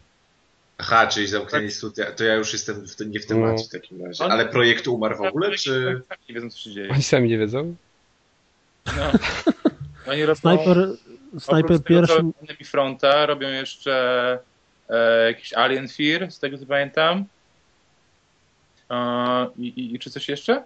A oni robili taką sam, taki arcade'owe z, jakby samoloty w realiach II wojny Tak. światowej I, i to wyszło już, czy... Tak, to dawno temu wyszło i wyszło tak źle, że całe studio zwolnili. Aha, Całe studio zostało zamknięte. Przyjechał człowiek z Warszawy, powiedział: Hej, no super, zrobiliście grę, ale w sumie to wyszło do dupy, więc się zwolnili wszyscy. Aha. ale czyli można powiedzieć, że mogą się pochwalić mocnym portfolio w takim No, razie. no oni jak zawsze. Nie, no wiesz, no, dla, jeżeli ktoś wiesz, jeżeli ktoś zrobił grę na konsolę, to myślę, myślę, że to wiesz, jako portfolio to działa całkiem okej. Słuchajcie, ale oni u siebie na stronie, tylko no to To ja też to, może to nic trzeba nie to świadczyć. powiedzieć ludziom od Aliens, że chłopaki daliście radę. Macie Tak zwaną nag nagroda fair play. E, Oni za udział. za udział. E, oni na swojej stronie reklamują snajpera w, w, świeże newsy. Snip, Sniper Ghost Warrior 2 w fazie Gold Master. Potem kolejny świeży news, światowa premiera Sniper Ghost Warrior 2. Trzeci Alien Fear i czwarty Enemy Front. Czyli Tak. jeszcze na stronie o tym piszą. No tak, tak. Czyli No bo to, Enemy Fronta właśnie chyba robił ten Black, czy nie? Czy to już mi się Tak, tak. pieprzy totalnie? wiesz, Blacka wywalili, ale to bo on był tylko tym, jakby jakimś producentem, czy jakimś głównym designerem przy, przy, przy tej Może grze. A, pomysł i teraz wiesz, będzie ten enemy front. A czy Black też nie był tam umoczony w tego takiego FPS-a, który jakiś taki strasznie słaby wyszedł? On miał, jedyne co jest, czego ja pamiętam tą grę, to z jakichś filmików z takim wielkim murzynem pomalowanym na twarzy na biało, Tak, który tak. walił z wielkiego minigana. tak, tak, Body tak. count. Body count. Tak, właśnie. dokładnie. Dokładnie tak. Wiecie co, ja proponuję tym wszystkim deweloperom, żeby się udali do Petera Molina, on tutaj koncepcję wymyślić, co robić przez najbliższe lata, jak mam gry wyglądać. Żeby się do Ej. Tomka udali, do Tomka, żeby się udali, Tomek powie, jak robić dobre. No co tam, już chciałeś o twoim ulubieńcu powiedzieć? Nie, ja bym chciał, żebyś tutaj się odczepił od Petera Molina, bo ja strasznie lubię serię Fable i tak, że... Tak. Nie rozumiem, Grałeś- że... najbardziej w- ten- ten Journey, No czy tam Nie, bo konia? Co? to już, to, co, to, już, to już jest projekt, który po odejściu został dokończony. A, no tak. Można powiedzieć, że on nie ma, nie ma tego dotyku mistrza. A To już rozwalał kostki w Curiosity. Tak, rozwalałem, ale ty, ty, ty, tak przez 36 sekund, bo myślałem, że coś nie tą grę ściągnąłem. W pierwszej chwili Oni- naprawdę tak myślałem, że ściągnąłem ją z, marke, z, z Google Play'a, Google Store'a, nie pamiętam już jak to się nazywa i myślałem, że po prostu jakąś grę taką fejkową ściągnąłem, bo tam wiadomo, że dużo ludzi podrabia różne gry, ale potem się jednak okazało, że ściągnąłem dobrą I No, ale już mi się dalej nie to- chciało tych... Wiesz co, bo oni przegapili jedną rzecz, bo tam jak ty jak klikasz w te kostki, to się czasem jakiś obrazek pod spodem pojawi. I oni zapomnieli, że w tych wszystkich grach, jak tam, nie wiem, Sex Trees i tam te, te, tego typu rzeczy, to jakieś gołe laski miały być. Więc wiesz, jakbyś tam klikasz i się od kawałek nogi odsłania, to myślę, że dużo ludzi by Nie, ale wiesz, żeby, żeby, żeby, żeby ta gra jeszcze była ładna, a ona miała przecież tam, jak klikałeś w te kwadraciki, to takie wpadały ci e, monetki, takie, ale animacja tych monetek i w ogóle wygląd, to było jakby, wiesz, jakby to zrobić w pęcie i, i, i w rozdzielczości 100 na 100 To był pikseli, dotyk mistrza, Deusz. Także... Nie czułeś tego absolutu? A Deusz potrzebuje Dobrze. tych lasek chyba, żeby poczuć. To wtedy... Okej, y, panowie, mamy dwie godziny, prawie 30. I nam chyba się program do nagrywania psuje. No, psuje się. Chyba się tobie, Psuje się, psuje, bo widzę już to, że oznaka tego, że zaraz padnie. Dlatego proponuję chyba kończyć. Zaczyna ci śnieżyć? Masz Nie, po prostu nie mogę już nic z nim Razi zrobić, to wiem, że zaraz padnie. Już były takie objawy, to zawsze jak za długo nagrywamy. To tak ma... Aha, aha. Taka autocenzura. Bo on Bardzo filtruje treści. dziękujemy. Niezłe, W tym przydatne. Tak, właśnie. Czyli co, wypada właśnie podziękować, jak Piotr mówił. To jest dobre, nie? Piotr koledzy dziękuję. Dziękuję ci, drogi kolego. No Piotrze, czyń swą powinność. Dziękuję, dziękuję. Nie no, dziękujemy Ja gościowi za udział.